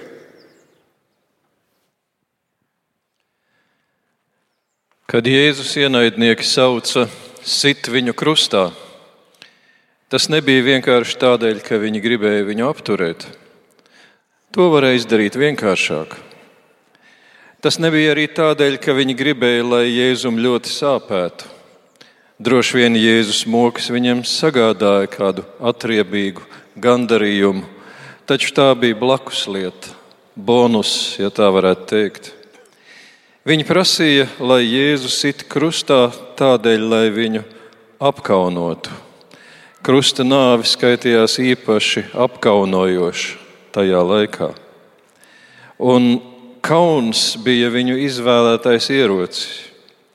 Vienkārša nāve būtu Jēzu aizvākusi no acīm, bet viņš turpinātu dzīvot atmiņās un leģendās.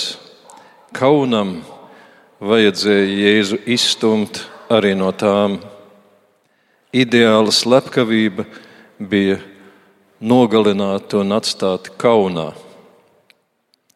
Kad Ādams un Ieva bija ēduši no aizliegtā koka, viņu acis atvērās, un viņi ieraudzīja, ka ir kaili, un viņi juta vajadzību paslēpties, izolēties no visu acīm. Un bieži šo notikumu skaidro ar kādu kā seksuālu grēku, taču, kad mēs sapnī atrodamies kaili uz skatuves, publiskas priekšā, tur nav nekā erotiska. Mēs gribam aizsekties un ātrāk aizbēgt no tās vietas, jo sabiedrības spriedums fokusējas uz tavām atklātajām un acīm redzamajām nepilnībām. Tava ievainojamība un trauslums tiek atklāti vispārībai, un tas ir sociāls pazemojums un atgādinājums par mirstību. Tādēļ krustā sišana bija vienmēr ļoti publiska, un upuri pūļa priekšā izģērba kailu. Lai Jēzu apkaunotu un izstumtu no sirdīm un prātiem, bija vajadzīgs pūlis. Viņa pretinieki vieni paši to nespēja izdarīt, ja tur neviena nebūtu. Parasti pilsētas cilvēki un no laukiem ja viņu tur nebūtu, ja viņi nebūtu ziņkārīgi sapulcējušies, paskatīties uz upuri, sazvērstību nebūtu izdevusies, bet iejūt kaut barā, visparastākais cilvēks var kļūt par ideālas slepkavības līdzdalībnieku. Un šāds scenārijs atkārtojas atkal un atkal. Neskaitāmi pusauģi ir izdarījuši pašnāvību tādēļ, ka sociālajos tīklos publiski ir izģērbti kaili, emocionāli vai burtiskā nozīmē. Ierosinājis to ir viens ļaunprātis, un daudzi ir metušies barā un izstūmuši vienu no savu vidus, nereti pāri tilta margām vai no augstceltnes jumta. Tā dēvētā dzeltenā presa, iemīļotie krāsainie žurnālīši, pilni ar tenkām, ķēngām un zaktiem noslēpumiem, cenšas nopelnīt savus 30 grašus, publiski kādu izģērbjot un sitot krustā. Vislabāk, ja tas ir kāds cienīts vai nozīmīgs cilvēks, lai viņš pats sevi varbūt izstumt, lai kā Ādams un Ieva justu vajadzību bēgt un noslēpties un būtu grūti iziet atkal cilvēkos. Kāds ir uzrakstījis, kāds ir nofotografējis, kāds ir nopublicējis, bet pasākums neizdotos ja nebūtu pūļa, kas to kārīgi lasa, ja nebūtu, piemēram, es nezinu, bezdomīgi vai ar zemiem standartiem uzņēmēji, kas šo žurnālīšus izliek savu klientu uzgaidāmajās telpās. Un tie parasti, kā es esmu ievērojis, ir tie visnolasītākie starp visiem. Kadreiz es tā domāju, kā tas var notikt, ka sevišķi jauniešu sabiedrībā, arī skolās, atceros vēl, kad bija skolotājs skolā, tieši tie, kadreiz visaprobežotākie, visdumjākie ir tie, kuri pamanās savas vērtības uzspiest citiem. Un citi ir tie, kuri atvainojas par to, ka viņiem ir kādi tikumi vai kādas labas īpašības. Tas ir gandrīz tā kā kauns tādā sabiedrībā.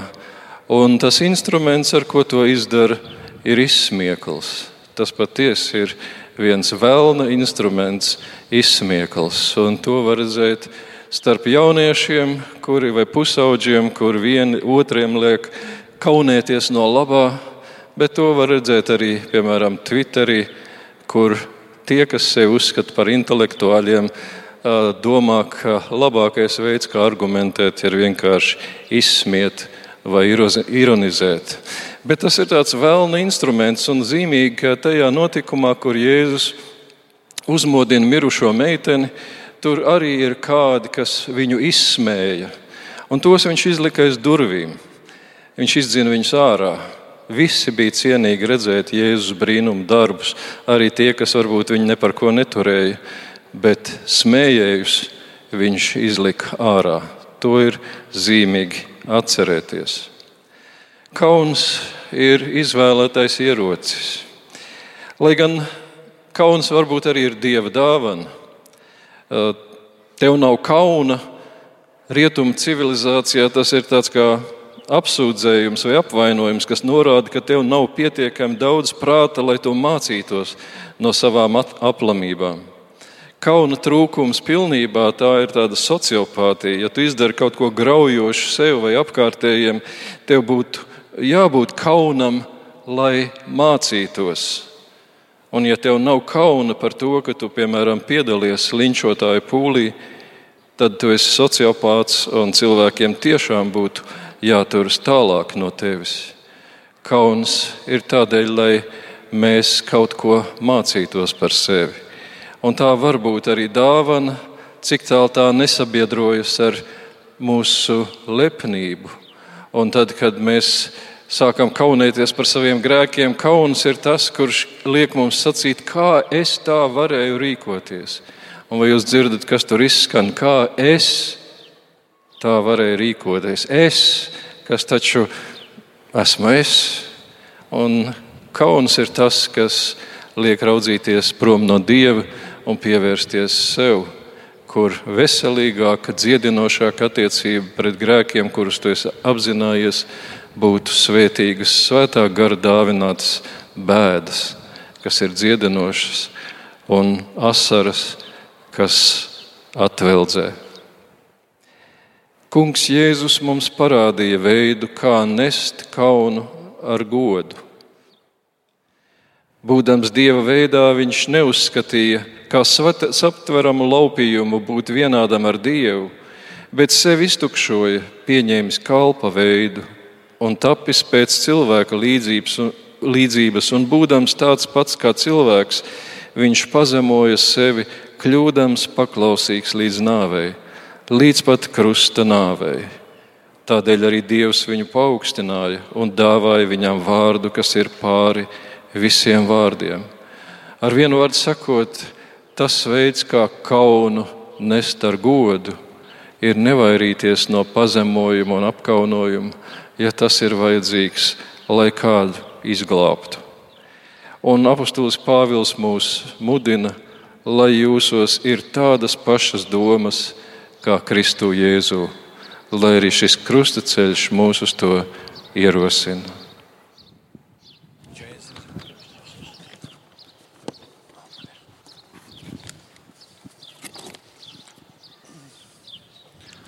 Mans vārds ir Kaspars. Un šajā krustceļā izdzīvotais un pārdomātais vīst cauri visai manai dzīvei. Es nāku no normālas ģimenes. Ārēji man bija tēvs, man bija māte, man bija māsa. It kā viss kārtībā, es biju apģērbs, nodrošināts. Un tāpat laikā pastāvīgi bērnībā bija atmosfēra, ka es jutos nedrošs un nobijies. Uh, Man bija ļoti bieži bail no tēva. Uh, Es baidījos izdarīt kaut ko nepareizi, kaut kur kļūdīties, uh, jo tad bija iespēja dabūt pērienu vai kādu citu dunku sānos un, uh, vai kāds uh, pārmetums. Um, Un, uh, reizēm tēvs nāca mājā arī piedzēries. Un, uh, Tajā laikā man bija ārkārtīgi bail no tā, jo tad, uh, viņš bija kašķīgs. Uh, varēja iekaustīt gan mani, gan māsu, gan mammu. Un, uh, no tā man bija ārkārtīgi bail. Uh, un tāpat laikā uh, bija reizes, ļoti daudz reizes, kad mēs tēti braucām makšķerēt pie dabas ar teltīm. Un, un arī tur es varēju. Neskatoties uz visu tā fonu, ka viss bija baigi forši, es varēju saņemt pārmetumus. Piemēram, es varēju makšķerējot zivis noraut āķi un saņemt pārmetumus par to, ka esmu tīzlis un ka esmu neveikls un ka es neko nemāku pareizi izdarīt. Uh, un tad es sapratu, ka man ir vieglāk ar šos āķus no tēva nozagt, nekā viņam jautāt. Uh, un tādā veidā es pamazām iemācījos zakt. Skolā, kad es uh, saņēmu sliktas atzīmes, es nebiju nekāds priekšzīmīgais bērns, tad es saņēmu parasti biju pēriens par divnieku, vai par sliktām atzīmēm, vai par piezīmēm. Tad es iemācījos, ka no dienas grāmatā var izplēst lapas, var krāpties un noslēpt to visu. Un, uh, jā, un, un tad es arī iemācījos melot. Un meli kļuva par manu ikdienu. Uh, tad, kad uh, tēvs piedzēries reizēm sita māmu, tad es slēpos istabā zem galda, raudāju. Un, kad es vairs nevarēju izturēt, tad es skrēju lejā uz virtuvi un lūdzos, lai viņi izbeidz. Es sāku ienīst alkoholu, es sāku ienīst, sāku ienīst pamazām, es sāku ienīst arī savu tēvu. 16 gados pirmo reizi piedzēros, un man tas ļoti iepatikās. Es jutos brīvs, bija pazudušas bailes, bija baigi forši. Uh, Es jutos pēkšņi, jā, tas ir mans, man tas patīk. Uh, Es vairs nebaidījos paust dusmas, es kļuvu drošs. Uh, Visa pasaule bija mana, un es beidzot jutos brīvs. Un Tā manā, manā dzīvē pamazām no 17 gadu vecuma ienāca alkohols un visas ar to saistītās lietas. Pamazām es kļuvu atkarīgs. Es vairs nemācīju normāli dzīvot. Parasti es uh, kādu divus mēnešus dzīvoju skaidrā, un tad kādas divas nedēļas dzēru no vietas. Ja? Un, tā viss tas fons bija uh, zakšanas, manipulācijas, meli. Uh, Es jutos ārkārtīgi atstumts, es jutos nesaprasts. Es, man liekas, ka uh, visa pasaule pret mani ir sazvērējusies, un neviens man nemīl. un Vispār es viņam neesmu vajadzīgs. Un mans liktenis ir nodzerties. Uh, Un, uh, bija reizes, kad es uh, meklēju kaut kādu glābiņu, es sajūtu impulsu iet uz dievkalpojumu. Es gāju uz Toņa kalnu baznīcu, kritu ceļos un teicu, Dievs, palīdzi man, kā es toreiz to sapratu. Un katru reizi pēc dievkalpojuma es jūtu tādu garīgu pacēlumu, kaut kādu iekšēju drošību, un ka ir kāds, kas par mani rūpējās. Tā es daudzus gadus nodzīvoju savā mazajā pasaulītē, kurā bija dusmas, vientulība, izmisums un dzīves bezjēdzīguma sajūta. Bija milzīgs kauns par to, kāds es esmu, kad es zogu, kad es krāpjos, kad es meloju. Bieži naktī es modos augšā domu, ka to nāks atmaksas par visiem maniem grēkiem. Un, un, un, jā, un, un katru reizi, kad es modos ar drausmīgām paģirām, es eh, turēju galvu zem augsta ūdens. Un, un es teicu, nē, nē, es nekad vairs nedzeršu. Un pēc stundas es gāju un piedzēros. Un uh, izmantoja dažādas terapijas, dziedniekus un, un, un dažādas uh, citas lietas, bet tas viss padarīja to visu tikai sliktāku. un Beigās, beigās bija tā, ka man bija pilnīgs izmisums. Es nezināju, kā lai dzīvo tālāk. Uh, Paralēli tam bija visu laiku, bija arī smaga vainas sajūta vecāku priekšā. Man liekas, ka es nevaru būt normāls dēls, es nevaru būt uh, normāls cilvēks, es, uh, es nevaru strādāt, uh, darīt kaut ko sabiedrībai noderīgu.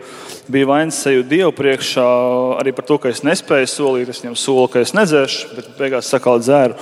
Ja, un, uh, Dievs klauvēja pie manas nocietinātās sirds durvīm, bet uh, es nebiju gatavs atvērt, es nebiju gatavs uh, padoties. Um, Un, un, un, un, un eh, kaut kādā brīdī es atceros, ka es pat eh, atcerējos tādus vārdus, ka, ko es biju lasījis svētajos rakstos, ko saka apustulis Pāvils, eh, staigājiet garā un neaprēķinieties ar vīnu, bet uz maniem tas nedarbojās. Es mm, nebiju tam gatavs. Uh, Jā, un tad uh, pēc desmit gadu tādas dzīves. Manī pamazām uh, pienāca tāds rīts, ko es atceros, kad es uh, biju kaut kādā septiņā no rīta. Es sēdēju parkā, uh, kritis labs sniegs. Es biju kārtīgi reizi izmucis no mājām, lai varētu dzert. Un, un es jutos vienkārši briesmīgi. Es jutos pilnīgi tā, ka nu, tūlīt jau būs jāmirst. Ja, es smēķēju, es cēru.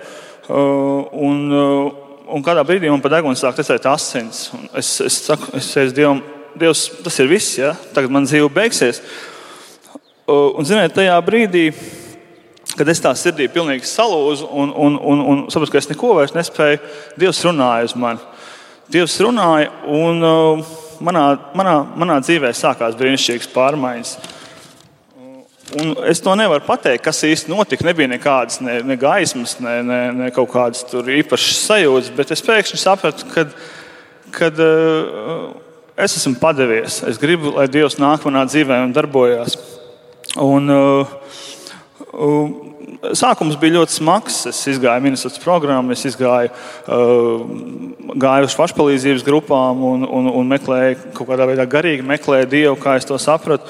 Un uh, man dzīve mainījās caur, uh, caur baznīcu, caur, caur uh, dziedināšanas programmu, dzīves traumas. Es arī spēju piedot sev, spēju piedot savam tētim. Uh, Uh, beigās mums bija tīri foršas attiecības. Pēdējos gados pirms nāves mums bija fantastiskas attiecības, pirms viņš aizgāja. Un, uh, un, un, un, cilvē, un tad es arī gāju pie cilvēkiem, kuriem es biju darījis pāri, un es lūdzu viņiem atdošanu, un, un, un, un es atpakaļ zaktās mantas. Un, un viņi man teica, ok, kas par visu baigi forši, ja, un apskāva man un teica, visi baigi labi. Un es pēkšņi sapratu, ka cilvēki nav tik ļauni, kā es to visu laiku savā dzīvē biju iztēlojies un izolējies no viņiem. Un tādā veidā Dievs maigi aicināja mani pie sevis eh, caur dažādām situācijām, caur cilvēkiem. Es patiesībā sāku apzināties, ka es visu laiku skatījos uz pasauli ar saviem ievainojumu prizmu. Un, eh, kad es biju 11 gadus jau skaidrā, tad es satiku ticīgu meiteni, ar kuru jūtu aicinājumu arī veidot ģimeni. Un, eh, un eh, šobrīd man ir mīloša sieva, dēls, esmu ieguvis labu izglītību, kas man dod iespēju strādāt universitātē par pasniedzēju, zinātnē. Es darbojos fizikas jomā. Esmu ļoti, patiesībā esmu ļoti laimīgs. Dievs man ir devis visu, par ko es kādreiz pat nevarēju sapņot. Un, un savas garīgās mājas atradis Marijas Magdalēnas baznīcā. Un, Uh, jā, esmu ļoti laimīgs. Uh, un es gribu, lai mani mīl. Esi mīlēts.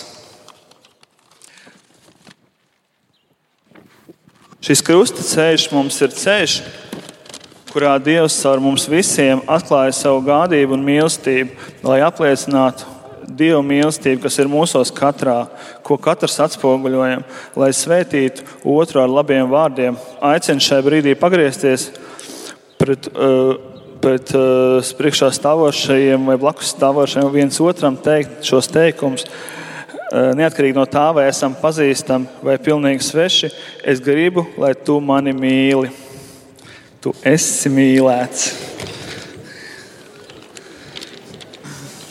Mīli, tu esi mīlēts. viens, viens. Es gribu, lai tu mani. Pagaidi. Paga, kam to kaut kam aizripoja? Ne kaut kur. Ā, reku no viņas, no dziedātājas, reku viņa tūlīt dziedās. Jā, tagad, tagad, jā. Lūksim. Lūdzu, atdošanu par visām reizēm, kad esmu otru cilvēku licis kaunā, apzināti vai neapzināti, pazemojis, izsmējis, ka esmu kaunējies par sevi neesmu varējis būt patiess pret sevi un citiem, kā esmu ļāvies bailēm un attīstījis sevī slēpto agresiju un dusmas pret sevi un citiem. Lūdzu, atdošanu par to, ka kāds no mūsu dzimtas esam ļāvušies dusmu, kauna un baiļu garam. Piedodu Jēzus vārdā tiem, kas ir likuši kaunā mani vai kādu no manas dzimtas, un Jēzus vārdā sarauju saites ar dusmu, kauna un baiļu garu un sasaistu tos pie Jēzus krusta. Jēzus vārdā sarauju saites ar alkohola garu un sasaistu tās pie Jēzus krusta. Mūsu Tēvs debesīs, svētīts lai top tavs vārds, lai nāk tava valstība, tavs prāts, lai notiek kā debesīs, tā arī virs zemes. Mūsu dienascho maizi dodi mums šodien, un piedod mums mūsu parādus, kā arī mēs piedodam saviem parādniekiem, un neieved mūsu kārdināšanā, bet atpestī mūs no ļauna, jo tev pieder valstība, spēks un gods mūžīgi mūžos. Āmen! Krustā iztais kungs Jēzu Kristu. Apžēlojies par mums! Šai brīdī aicinu tevi doties, pievienot savu spoguļu stikla gabaliņu un kopā veidot dārgakmeni kā zīmi tam, ka katrs esam dārgs un vērtīgs Dieva acīs, un šī godība atmirts arī mūsu attiecībās ar pārējiem. Pēc tam šo krustaceļu noslēgsim ar kardināla Jāņa Pujāta uzrunu.